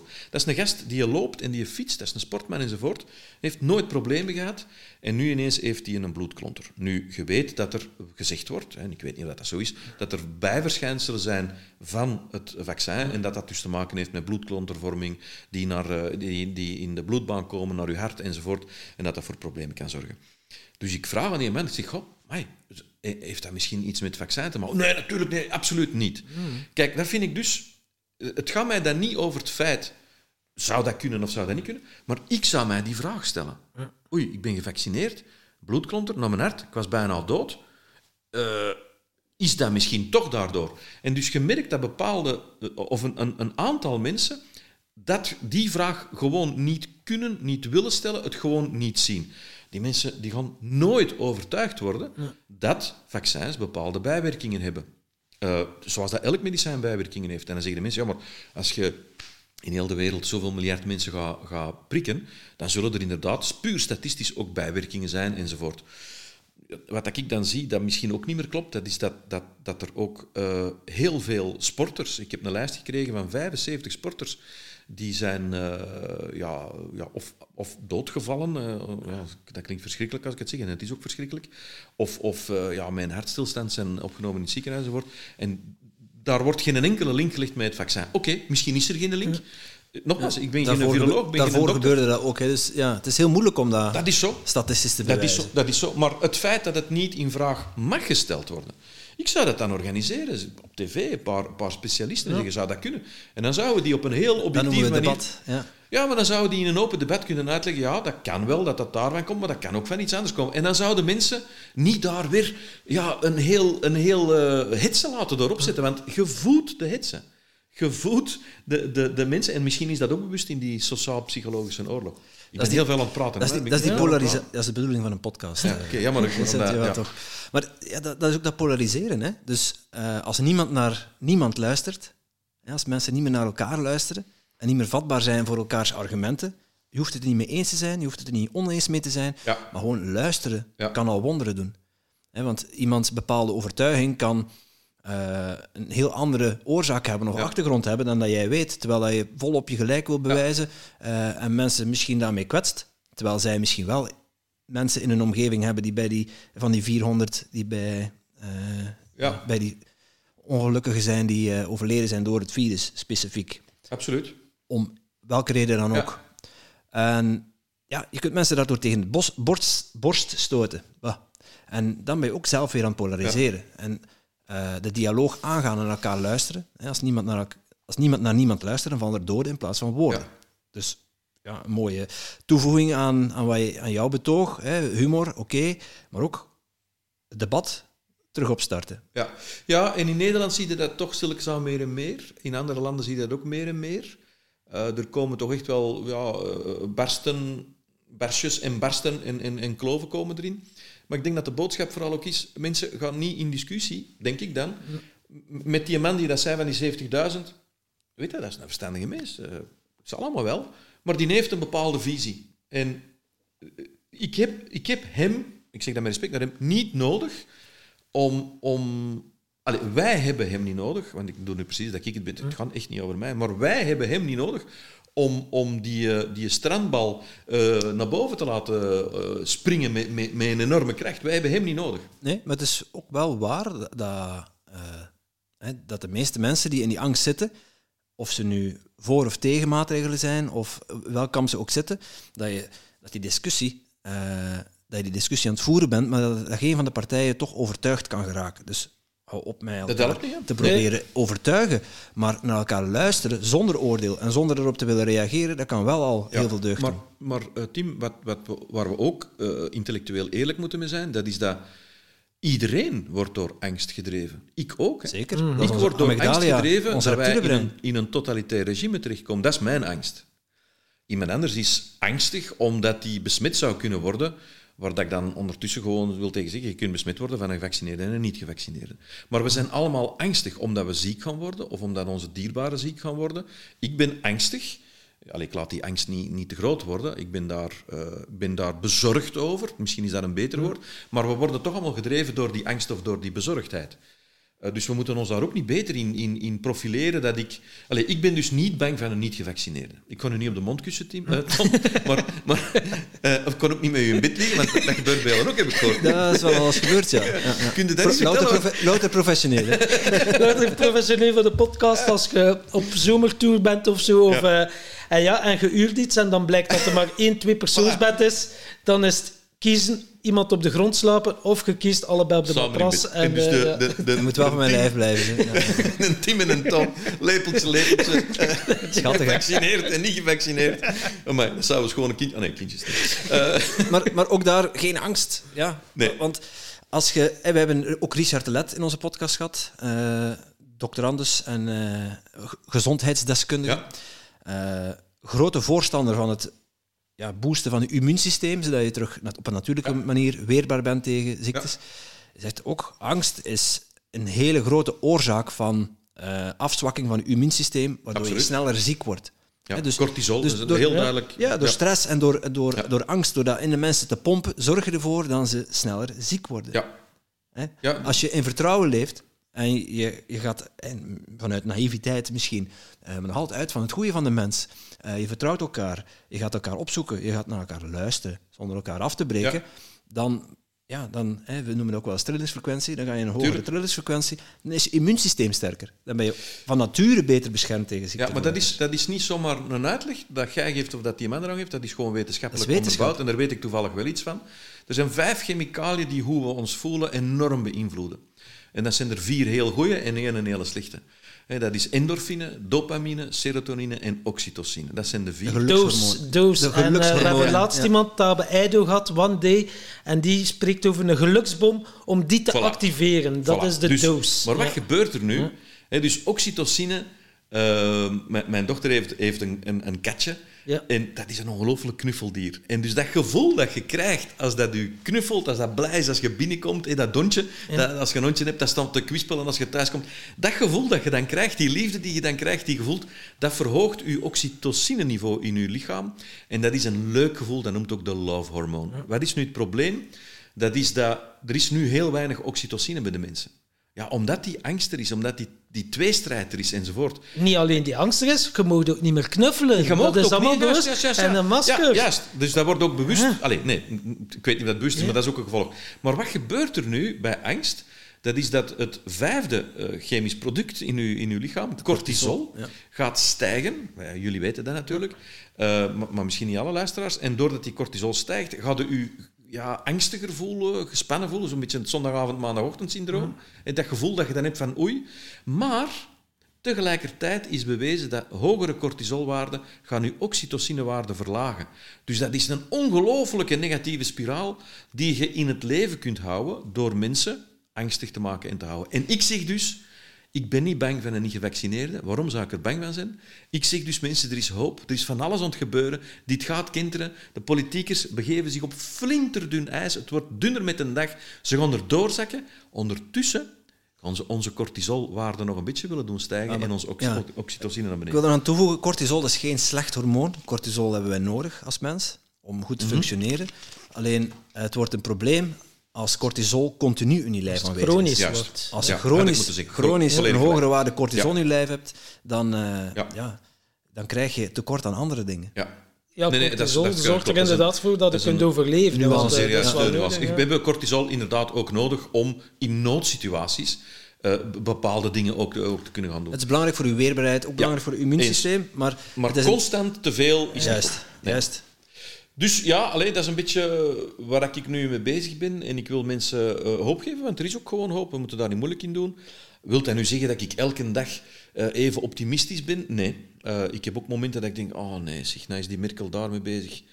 En wat is aan het volgende? En dan denk ik van die pandemie, weet, ah, we gaan eh, een tweede lezing is is er gevraagd. En dus die tweede lezing, dat betekent dat die pandemiewet er zomaar niet doorkomt. Want ik vind die pandemiewet een catastrofe. Ja. Ja, want ook daar, hè, want even inhaken op die pandemiewet, want dat is ook een van de redenen waarom we deze aflevering als bonusaflevering gaan eh, online zetten, omdat we niet vier maanden willen wachten. Maar de pandemiewet, ik weet niet of veel mensen dat beseffen, geeft de overheid, de regering, hè, degene die nu al op wankele poten staan, het alleenrecht om beslissingen door te voeren, zonder eh, daarvoor een koninklijk besluit te moeten nemen, waardoor alle partijen van het parlement betrokken worden. Dus het parlement wordt buitenspel gezet, maar je zorgt er ook voor dat oppositiepartijen, oké, dat is een minderheid, ehm, maar dat die mond doodgemaakt wordt. Die worden de mond gesnoerd, die, mogen niks meer, die hebben niks meer te zeggen over wat de regering beslist of eh, in werking laat treden. Met als gevolg dat er ook geen gezonde discussie meer is. En de oppositie is de oppositie omdat ze altijd overal kritiek op heeft. Ja, en het parlement wordt En dat is gezond. Ja, want dat is onze democratie. Er moeten dingen in vraag gesteld worden om ja, daar een bepaalde eh, mate van gezond verstand nog in te laten zitten. Dus dat mensen die een regeltje bedenken, erover moeten nadenken. Ah, we moeten nog langs de oppositie. En die moeten er ook, die moeten er ook iets van vinden. En het moet geen klinkklare onzin zijn Ja. dat we hier op tafel leggen. Want dan wordt het gelijk weggesabeld. En dan gaan, gaat de, de, zeg je dat, de coalitiepartijen gaan er ook niet mee instemmen misschien. Maar dat is allemaal gebaseerd op Maar dat wordt die nu. epidemische noodsituatie. Ja, het is crisis. En ik heb dat dus eh, ja, proberen opzoeken. Hè, want dus ik zit altijd met het klopt niet, het klopt niet. En, en ik vroeg me, wa- wat is nu een definitie van een epidemische noodsituatie? Ja, goh, er is eigenlijk heel weinig definitie aan gegeven. En dat is ook het probleem. Ik heb die 183 bladzijden van die pandemiewet proberen lezen. Ja, ik ben daar niet slim genoeg voor en ook niet geduldig genoeg voor. Maar ik ben wel een paar dingen tegengekomen waarvan ik dacht van, oké, wauw, als dat erdoor komt, ja, dan kunnen die mensen eigenlijk doen wat ze willen. Dan kunnen ze die QR-code gebruiken voor wat dat ze willen. Dan kunnen ze uw knop aan en uitzetten wanneer dat ze willen. Ze kunnen mensen bestraffen met gevangenisstraffen voor de zotste dingen. Ik wil mensen nu niet bang maken, maar goed, ik wil toch even meegeven. Een beetje cortisol, zie. Ja, maar het punt, het punt Ja. wat ik wil maken is... Als, als wij nu gewoon onder gasten op café zouden zitten, als het mocht, hè, want ja, jij bent niet gevaccineerd, Nee. jij mag niet binnen een gast. Maar goed, stel, stel er nu voor. Terrasken, hè. Ah ja, terras, gewoon op terras. Min 5 buiten, dus Gewoon ideaal. niet Gent op een gezellig terras. Nee. Maar stel dus dat, ehm, dat, dat wij alle drie dan met een, met een pas binnen of buiten zonder pas zouden zitten en we zouden zeggen een, een noodsituatie. Er is een, een gezondheidscrisis zonder weerga, een ongelooflijke noodsituatie. En wij zouden zeggen van oké mannen, we gaan daar een filmpje over maken en, en, of een film maken samen. Hoe zouden wij dat dan in beeld brengen? Ja, dan zouden wij denken van ja, de ene ambulance na de andere die de straten in rijdt. Eh, mensen die in hun, in hun directe omgeving, in die kring van 400 man, mensen de ene op na de die gewoon op straat plotseling neervallen. en, eh, Als je naar de huidige situatie en- kijkt, zou ik het filmpje maken. Mensen in Polonaise in de discotheek. Ja, ja, dat is iets anders. Maar, maar dus echt serieus, als je zou denken van een noodsituatie die de aanleiding is van die pandemiewet. We zouden ambulances door de straten zien rijden. We zouden Koen Wouters, ja, die zou niet meer leven. Heel veel BV's zouden dood zijn. Eh, er zou regelmatig een uitval zijn van, van ziekenhuizen die zouden zeggen, kan niemand niet meer De ambulances zouden in file staan, aan enzovoort. Dat is voor mij een noodsituatie. Die vierde golf, ik heb hem bij mij door de straat zien rijden, dat is een grijze. Eh, maar maar ik, heb, ik heb die in die grafieken van Cienzano, en nogmaals, ik ben geen viroloog, geen statistiek, ik heb dat er niet in gezien. En samen met mij, heel veel mensen hebben dat niet gezien. Ook weer meer mensen die zeggen van dat klopt niet. Dus die epidemische noodsituatie die de aanleiding is voor die pandemiewet, gelooft mij, die heeft niks te maken met de volksgezondheid, die heeft te maken met het feit dat die politiekers beseffen dat ze op flinterdun ijs zijn. En dat is goed. Ze zijn hun grip kwijt. Ze zijn de griep kwijt en ze doen zottere dingen. En er gaan nog heel zotte fratsen op ons afkomen. En ik, ik zeg gewoon, lach ermee. En zolang dat ik nog mag zeggen wat ik zeg... Trouwens, als ik, als ik een dag eens niks zeg op Facebook, ja, dan is er niks aan. Maar als ik twee dagen niks zeg, ja, dan is er wel iets aan de hand. Dat wil ik gewoon even meegeven. Je zit in de Facebook-gevangenis. En, Heb je al een shadowban gekregen? Ik weet, nee, nee, ik weet niet of ik dan in een Facebook-gevangenis eh, zou zijn, maar dan, dan is er wel iets aan de hand. Ja. nu ben ik we even we serieus. hebben, eh, Ah, we hebben, oké. gasten, we hebben gasten uit de podcast gehad die eh, eh, na het online komen van de, van de aflevering eh, niet meer mochten zeggen op Facebook wat ze wilden. Ja, maar uh, lieve schat, nu zit het aan het versimpelen. Hè. Ik bedoel, ik heb het over eh, zeer ernstige intimidatie. En, ja, eh, dus, eh, ja. Ehm, ik mag toch schat zeggen, hè, want ik kan Ja, ik heb het nog gehoord Als je, als je niet bij mij in bed komt liggen, eh, vind je dat goed, jong? Mij niet op de mond kust. maar. Met veel respect, Maar ja. dat inderdaad eh, wordt bedreigd uiteindelijk. Ja, maar goed, dat Ja, is dat nu... is allemaal, je, ehm, dat is allemaal het punt niet. En nogmaals, eh, want ik, soms hebben de mensen... Ja, ja, je bent mediageld. Ik ben helemaal niet mediageld, mannen. Ik heb hier meer... eh, werk mee, meer, eh, ja, dat kost mij enorm veel tijd en energie enzovoort. Ik doe dat graag, doe dat met passie en overtuiging, maar ik zit hier niet op te wachten. Hè. Ik had liever gehad dat die zwarte vlag niet kwam eh, voorbij ge- ge- geblazen. Nu niet op deze moment in mijn leven. Ik bedoel, ik had echt zoiets van, goh, alleen nu, hè, we, gaan, we gaan genieten, we kunnen, we kunnen dit... Nee, we kunnen niet genieten, we mogen niet op reis, we mogen dat allemaal niet. Dan denk ik van, ja, oké, dan gaan we daar toch wel even eh, Maar we over hebben. gingen, we gingen wel nog een beetje achterop op andere landen die al verder staan met de eh, pandemie en met een agenda dat ze aan het uitrollen zijn. Maar ik denk dat ook via jou was zeker. In Melbourne is er toch wel Ja, iets anders aan de gang. Mijn zoon is, eh, heeft de dubbele nationaliteit, is ook Australiër. Oké. Eh, woont normaal gezien in Sydney, met, is, is samen met een, eh, een heel toffe Australische dame, waar hij al jaren mee samen is. Die wonen nu gedurende twee jaar al in Londen, omwille van professionele redenen. En dus de, de, de situatie in Australië wordt aan de ene kant als enorm totalitair voorgesteld. En daar is ook wel een stuk van, maar ik denk dat het overdreven wordt. Hè, want dat is dan ook weer een gevolg van het feit dat, dat er geen open debat is. dat is en ook polarisatie, En dat je geen censuur, en dat is ook polarisatie. Ehm, het is daar echt wel heel erg. Aan de andere kant, ehm, er komen meer en meer mensen op straat. En er wordt geïnsinueerd in dat filmpje dat de premier zal moeten aftreden. Ik hoop het, maar zover is het nog niet. Maar wat, wat wel zover is, is dat ik... Ik was ontroerd. Ik heb echt tranen in mijn ogen gekregen toen ik die mensenzee... Ik kan het niet anders omschrijven. Een mensenzee samen zag zingen We Are Australians. Ja, dat was mooi. Hè? Dat wat pakte mij, eh, krijg je op- ook weer kippenvel van. eh. Ehm, en daar zie je dus ik weet niet, was dat 100.000 man, misschien wat meer. Maar die mensen die daar staan, die kunnen alles veranderen. Die We zullen dat alles filmpje onder eh, onze aflevering, we zullen het in onze blog zetten, dat filmpje. Ja, voor dat is een mensen goed die idee. Ja. willen Dus er is een stukje hè. voor, eh, Tom, dat weet je, waar dat iemand zegt van, eh, we zijn daar en daar mee bezig. en zo. Ja. Wat aan mij echt, echt aansprak, was gewoon die vrouw. Die, die, dat vrouw die begon te zingen. En die ja, begon te zingen. Ja. Wauw, ik kijk er af en toe naar, want dat heeft mij echt hoop gegeven. Ik had echt zoiets van, oh, dit is zo mooi. Ja. En dat is wat er gaat gebeuren. We gaan echt op een dag wakker worden. Eh, van, mannen, van de nacht is het gebeurd. In Amerika is er daar een dag gebeurd, of daar en daar. En het is zover. We zijn er vanaf van de zeven. Dat gaat echt gebeuren. Ja. En misschien gaat het niet in Amerika gebeuren, misschien gaat het niet in Australië gebeuren. Hier gaat sowieso iets gebeuren. Ehm, ik moet opletten dat ik dat allemaal niet blijf te uitroepen. Ik blijf dus, zolang ik mag en kan, blijf ik doen wat ik doe. Zolang het nodig is. En echt waar, ik hoop dat je mij gelooft, doe dat echt niet voor mij. Eh, ik doe dat gewoon voor eh, de mensen die, die, die na ons komen. Dus ik doe dit echt niet voor mezelf. Het is eigenlijk vanuit liefde, vanuit, want we zijn allemaal liefdevolle mensen uiteindelijk. Maar het is soms het gedrag en je wordt soms in een bepaalde situatie Ja. gedwongen, waardoor dat er verandert. En ja, je bent niet je gedachten. Hè. Uiteindelijk, iedereen is pure liefde en licht, Ja. als je het spiritueel bekijkt. Wacht, want je zegt dat nu, maar eigenlijk, ik, ik betrap mijn eigen er nu op. Eigenlijk is dat niet waar wat ik zeg. Ik doe dat wel voor mezelf. En waarom doe ik dat voor mezelf? Omdat ik ehm, bezorgd ben over waar dit zou kunnen eindigen. En ik wil niet in zo'n toekomst leven. Dus eigenlijk, ja, ik, sorry, vergeet wat ik net Ja. heb gezegd. Ik doe dit wel voor mezelf. Maar ik doe het niet voor mezelf omdat ik het plezant vind van op Facebook te komen. Ik doe het niet eh, omdat ik het plezant vind van op straat eh, beledigingen aan mijn hoofd te krijgen. Eh, ik doe het ook niet omdat ik het leuk vind dat mensen zich heel warm naar me uitspreken. Dat, dat is leuk, dat is fantastisch. Ik, ik ben daar ook dankbaar voor. maar dat is niet mijn beweegreden. Dat wil ik even meegeven. Maar bij mij is het inderdaad zo een eh, cursus, een jaartraject, alchemie van leven, moest me op zoek naar ons zielswaarde en daar kwam naar boven dat bij mij puurheid is. En dat is ook de reden waarom dat ik het Ja. doe. Vanuit mijn puurheid op een speelse manier delen met de wereld. En dat is het. Ik ben jarenlang verslaafd geweest aan alcohol, drugs. Maar ik ben er openhartig over. Ja. En mensen moet ik, het is mijn taak om mensen te gaan inspireren en mensen een gids te zijn voor zelfbewuste mensen op een pad naar een leven zonder verslaving. Maar dat dat er nu bij komt, die angst, tuurlijk, vanuit mijn puurheid van, Ja. weet je, als je zelf al die diepte bent ingegaan en dan kun je in dat vertrouwen blijven staan in je kracht, kun je heel veel mensen inspireren. Ja, maar weet je wat er ook is? Eh, Tom, ik vind het heel mooi dat je dat zegt en dat je er zo open over bent. Maar wij hebben allemaal eh, dingen die we niet willen dat andere mensen weten. Wij hebben allemaal in ons verleden dingen meegemaakt, bewust of onbewust. Ik heb in mijn leven stomme tijd gemaakt, dat wilde niet weten. Op zakelijk vlak. Ik heb een, een tijd in mijn leven rondgelopen en, en maar zoeken naar positieve aandacht van mijn ouders en daardoor mij succesvoller voordoen dan ik was enzovoort.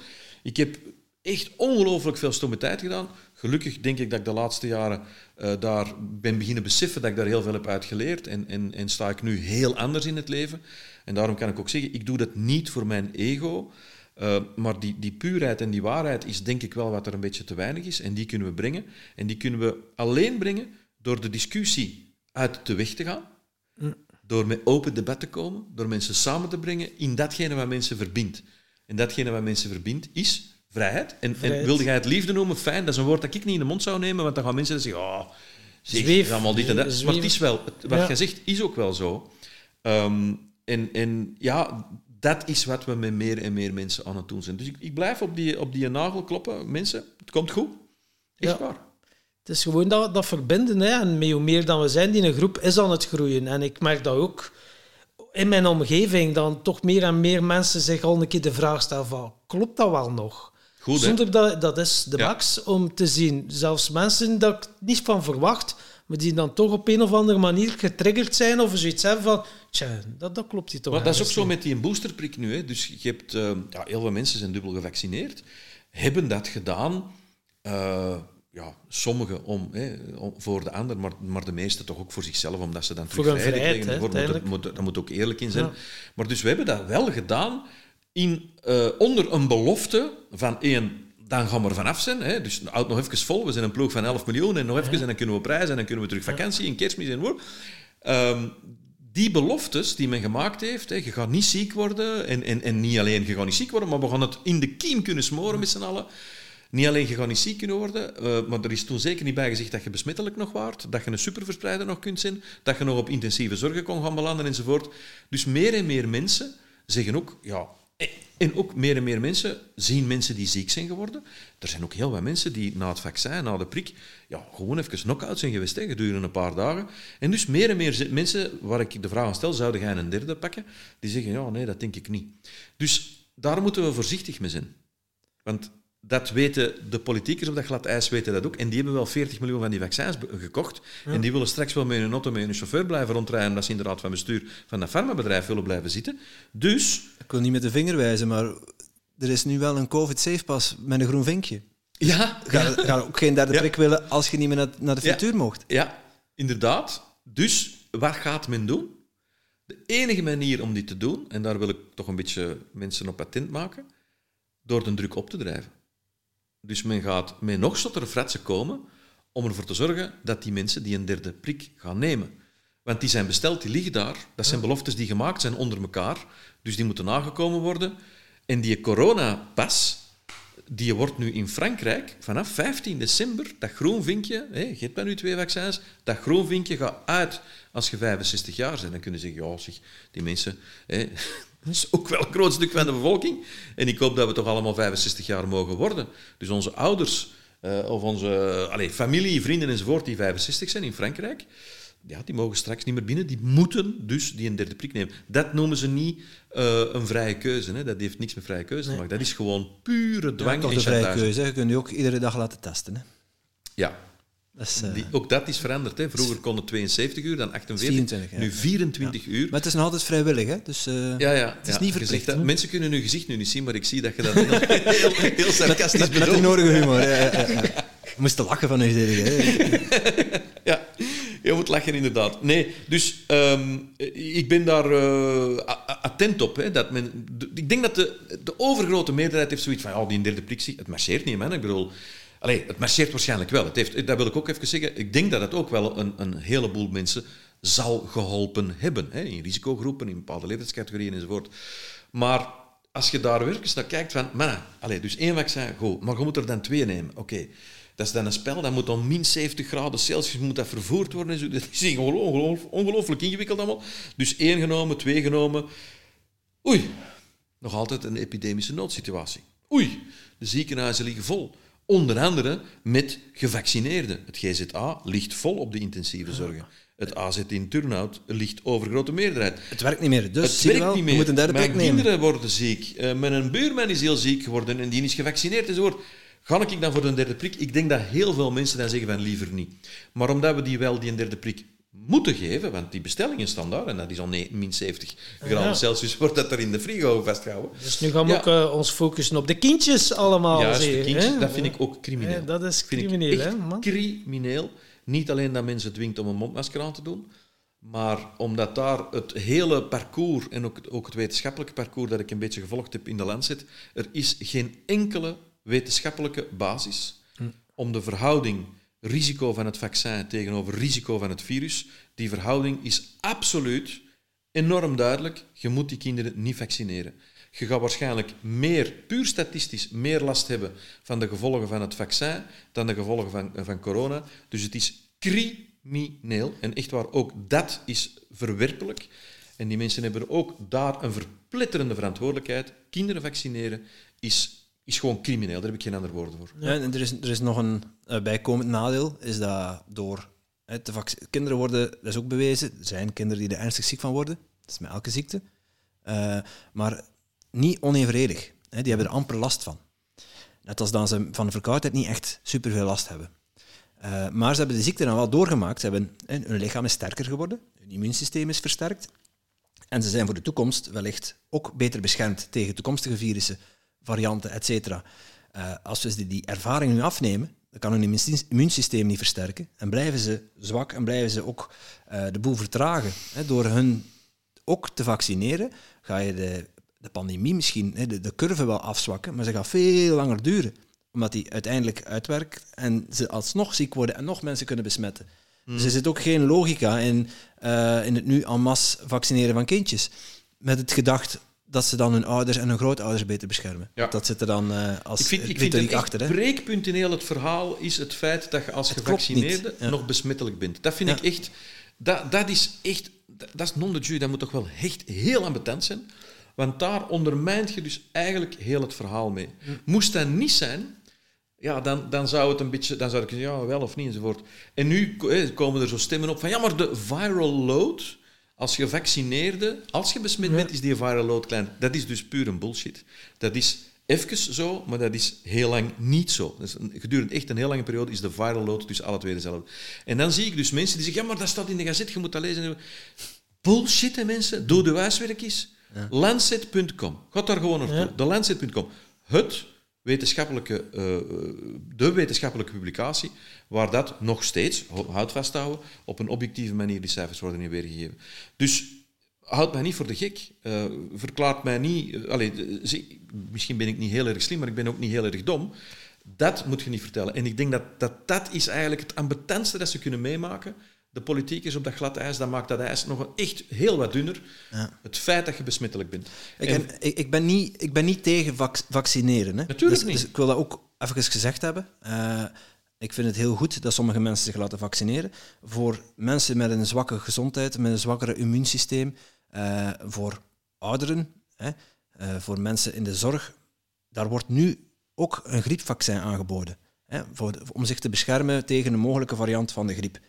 Dat is vrijwillig, dat is absoluut niet opgedrongen. En er zijn heel veel mensen die dat vrijwillig nemen om zichzelf te beschermen. Eh, is dat uitgezonderd dat je dan geen griep krijgt? Nee. Maar hè, is met corona nu hetzelfde. Ja. Kunnen we daar dan niet op dezelfde manier mee omgaan? Nee, Ja, maar- maar- nu wordt het opgedwongen. opgedrongen. Kijk, als je aan de mensen vraagt, of twee jaar geleden zou je gevraagd, wat is dat een vaccin? Wat is dat volgens u? Ja, dan zouden mensen zeggen, ah, een vaccin, ja, dat is eigenlijk een klein beetje van de ziekte. Die je, en en men, men kijkt daar heel goed naar hoeveel is dat klein beetje. Is dat een klein, klein, klein beetje of is dat een klein, klein beetje? Hè? Dus de dosering is zeer belangrijk. Een klein beetje van die ziekte gaan we bij de mensen inspuiten. Net genoeg opdat het immuunsysteem van de mensen zich er gaat tegen verzetten, tegen die ziekte, kiem, die in uw lichaam wordt gespoten, maar niet te veel, zodanig dat we het niet aankunnen.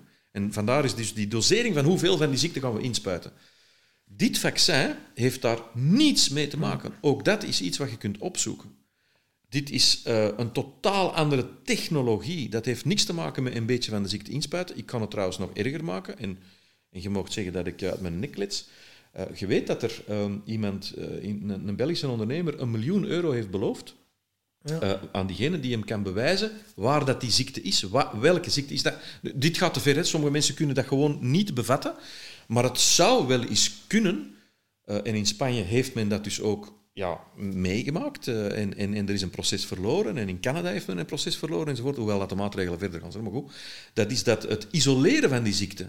Dat men, hè, die, het geïsoleerde deeltje dat men dan gaat doseren om u in te spuiten, ja, dat, dat is er niet. Dat bestaat gewoonweg niet. Dus men heeft een bepaalde technologie. Heeft die technologie eh, mensenlevens gered? Dat zal wel.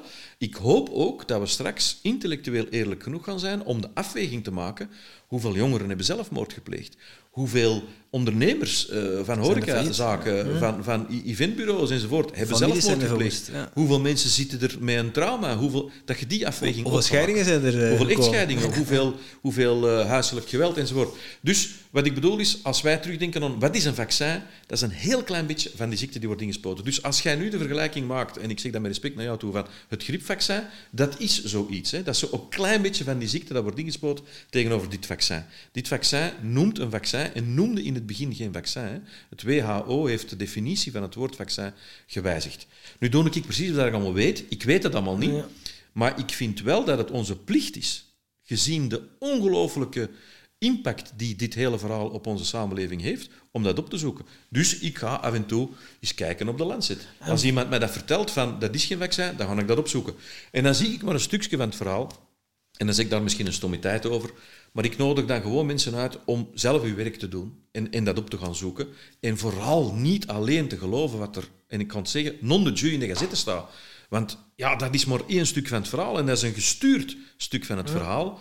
Ja, come on, zeg, sinds wanneer doen we dat? Sinds wanneer halen wij wetenschappelijke kennis van, van een, een, een obese dwerg die met een CO2-meter in zijn zakje een onnozel danspasje tot te doen? Sinds wanneer is dat God die in ons gaat vertellen hoe dat wij moeten leven? Ja, sorry, het is een. Zot. En eh, we gaan alleszins Sorry, eindigen. we eindigen alleszins met eh, een positieve noot, maar we- voor sommige mensen is het precies nog niet erg genoeg om het te beseffen. Dat is oké. Wat- Dat is oké. Wat staat er ons nog allemaal te wachten? Gaan we nu een keer even zo een keer fantaseren, zo een keer heel even in de toekomst? In de slechtst mogelijke scenario, wat, wat gaat er ons nog allemaal, wat zou er nog allemaal kunnen gebeuren? Ja, dus er zijn een paar dingen die je als politieker kunt doen. Als je dus echt die een hete adem van de waarheid in je nek voelt, als je begint te zien dat er meer en meer niet klopt en dat die groep van 100.000 zich aan het vormen is, ehm, dan kun je maar een paar dingen doen. Dat is meer macht naar je toe trekken. Uh, dat is wat er gebeurt met de pandemiewet. Hè. Dus dat is één. Twee, dat is dat men meer censuur gaat toepassen. Want men wil absoluut voorkomen dat die 100.000 mensen gaan kunnen communiceren onderling en met anderen gaan kunnen communiceren. De andere mensen besmetten, maar dan op de goede manier. Uh, en men gaat nog meer uh, knoeien met statistieken, nog meer ja, dingen gaan vertellen die, die achteraf blijken niet te kloppen. Hè. Zo, zoals dat, achteraf is, zoals dat zaaien. achteraf is gebleken dat het vaccin u nog altijd besmettelijk maakt. In het begin was dat niet. Eh, en dat men daar altijd een uitleg probeert aan te geven. Dat, dat is wat men gaat proberen doen. Dus concreet, als je nog meer censuur wilt, dan gaat er waarschijnlijk... Ja, af en toe misschien de stroom moeten uitzetten. Of af en toe misschien eh, Facebook moeten uitzetten. Of af en toe misschien het internet moeten uitschakelen. Uh, als je nog meer macht wilt, dan ga je misschien nog zottere maatregelen moeten gaan toepassen. En dan ga je misschien zeggen dat bepaalde uh, bevolkingsgroepen uh, die niet gevaccineerd zijn, bijvoorbeeld, en die een bepaald beroep ja. uitoefenen, dat die dat beroep niet meer mogen uitoefenen. Of zoals in Australië, dat het wordt beschoten met rubberkogels, bijvoorbeeld. Dat kan Man allemaal, manifestaties ja. dan, uh, dat er niet mag doorgaan, niet meer, meer dan vijf Ja. mensen op straat lopen. Gewoon dat de stem wordt... Maar, maar je zegt dat iets belangrijk, want het is op 21 november is er een zeer belangrijke demonstratie gepland in, uh, aan het Noordsta of die start aan het Noordstation in Brussel om 13 uur. En, en als, als het nog mag, zou ik zeggen, allen daarheen. Gevaccineerd of niet gevaccineerd, hè, dat gaat daar niet over. Het gaat over de vrijheid uh, en, en de vrijheidsbeperkende maatregelen. Dus ik nodig u uit, mocht u een agenda vrij, gaat er naartoe. De kans is zeer groot, en, en ik verwacht dat eigenlijk Mhm. ook, dat, dat men vanuit de pandemie weet, want dat is gewoon artikel, ik weet niet welke het is, dat is heel gemakkelijk. Ja. Samenscholing verboden, gaan we niet doen. Dat is gevaarlijk voor de, voor de volksgezondheid. volksgezondheid, Ja. dat er mensen samenkomen op straat. Ehm, dat is trouwens ook hetgeen dat ze zeiden met de voetbal hè, in Wembley. Al die mensen in het Wembley Stadium met de voetbal. Oh my, nu, ja, nu gaat het losbreken. Nu, nu, gaat er, nu gaat er alleen nog maar ziekenhuiswagens zien rijden. Of ambulances zien rijden. Er is niks van aangeweest. Hè. Er, is, er, is geen, er is zelfs geen, geen piekje eh, te zien geweest met, met het vergrootglas. Dus ook zo'n betoging, dat helpt niet. Maar dus dat gaat men doen. Men gaat uh, censureren, men gaat samenscholingen uh, proberen tegenhouden. En ik zou zeggen, mensen, uh, lach dat weg. En, en beseft dat dat de laatste stuiptrekkingen zijn van mensen die vanuit angst hebben willen regeren en die, die door angst worden gedomineerd. Ze doen in hun broek. Gelooft mij, die, die een de crow, de kroek, of hoe dat je hem wilt noemen, die met zijn, met zijn, met zijn glimlach eh, van een broek, eh, met, met zijn cynische glimlach altijd. Hè. Die zit met, de grootste, met de grootste glimlach zit hij van, Je ja, gaat genieten van die dat geld dat allemaal moeten afnemen. Ik, vind ja, dat, ik vind dat des duivels, maar oké. Dus die mensen doen in hun broek. Ehm, worden die gelincht, zoals Ceausescu en zijn vrouw gelincht zijn geweest? Ik hoop het niet. Ik hoop niet dat het zover zal moeten komen. En ik roep daar ook absoluut niet toe op. En dat wil ik even duidelijk maken. Geen haat, nee. Uh, ik, ik, wil geen, geen haat en, en, en geen... Uh, geen, geen allez, niet, niet hetzelfde gaan doen als, als, als waarvan dat we ondemocratische mensen van, uh, van verdenken en, en, en, en, en waar dat we er boos op voor zijn. Maar er gaat wel een verantwoording moeten komen. Maar zij willen die verantwoording uitstellen en er gaan dus meer en meer maatregelen Publiekelijk dan, hè? Mensen zeggen, ja, maar we gaan allemaal op uh, N-VA en Vlaams Belang en PvdA stemmen. Die moeten dan maar samen iets doen, gelijk dat ze nu in de oppositie zitten. En dan komt het allemaal goed. Ja, als er verkiezingen mogen zijn. Als je moogt gaan kiezen zonder uh, QR-code. Ja, en dan nog kunnen die niet alleen regeren. En mijn ervaring met politiek is dat ze van alles beloven om op hun gestemd te worden. En eh, vervolgens zit daar weer een nieuwe regering. Ja, die doen precies ja. hetzelfde. Of een nieuwe politieke beweging, zoals Steven Arazola toch wel mee bezig is achter de schermen. En eh, een nieuw, Ja. een beweging, maar Er geen zijn- partij, maar zijn, een eh, beweging. er zijn heel wat bewegingen, maar ik ben hoopvol. Dus ik zeg alleen, Ja. je vroeg wat gaat er gebeuren, worst case. Er gaan nu een aantal zotte Ja. fratsen komen. Ik denk niet dat we moeten verwachten dat die mensen gaan zeggen, ah, we hebben nu die pandemie, wet, daar gaan we nu eens niks mee doen. Nee, nee. Of goede dingen. ons- We gaan ons verplichten om groente en fruit te eten. ja.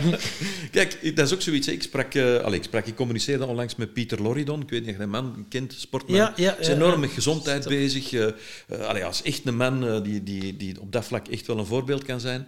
Ehm, die, die zei ook van, kijk, het is grappig, want de, de mensen die opkomen om, tegen deze waanzin, dat zijn dus heel vaak zeer gezonde mensen die met hun gezondheid bezig zijn, met im- hun immuniteit bezig zijn. Ik wil me nu niet vergelijken met Pieter Loridon, maar ik neem al jaren elke dag een ijskoude douche Ja. Heel bewust om mijn mentale kracht eh, te vergroten en om mijn immuniteit te boosten voordat er sprake was van een virus.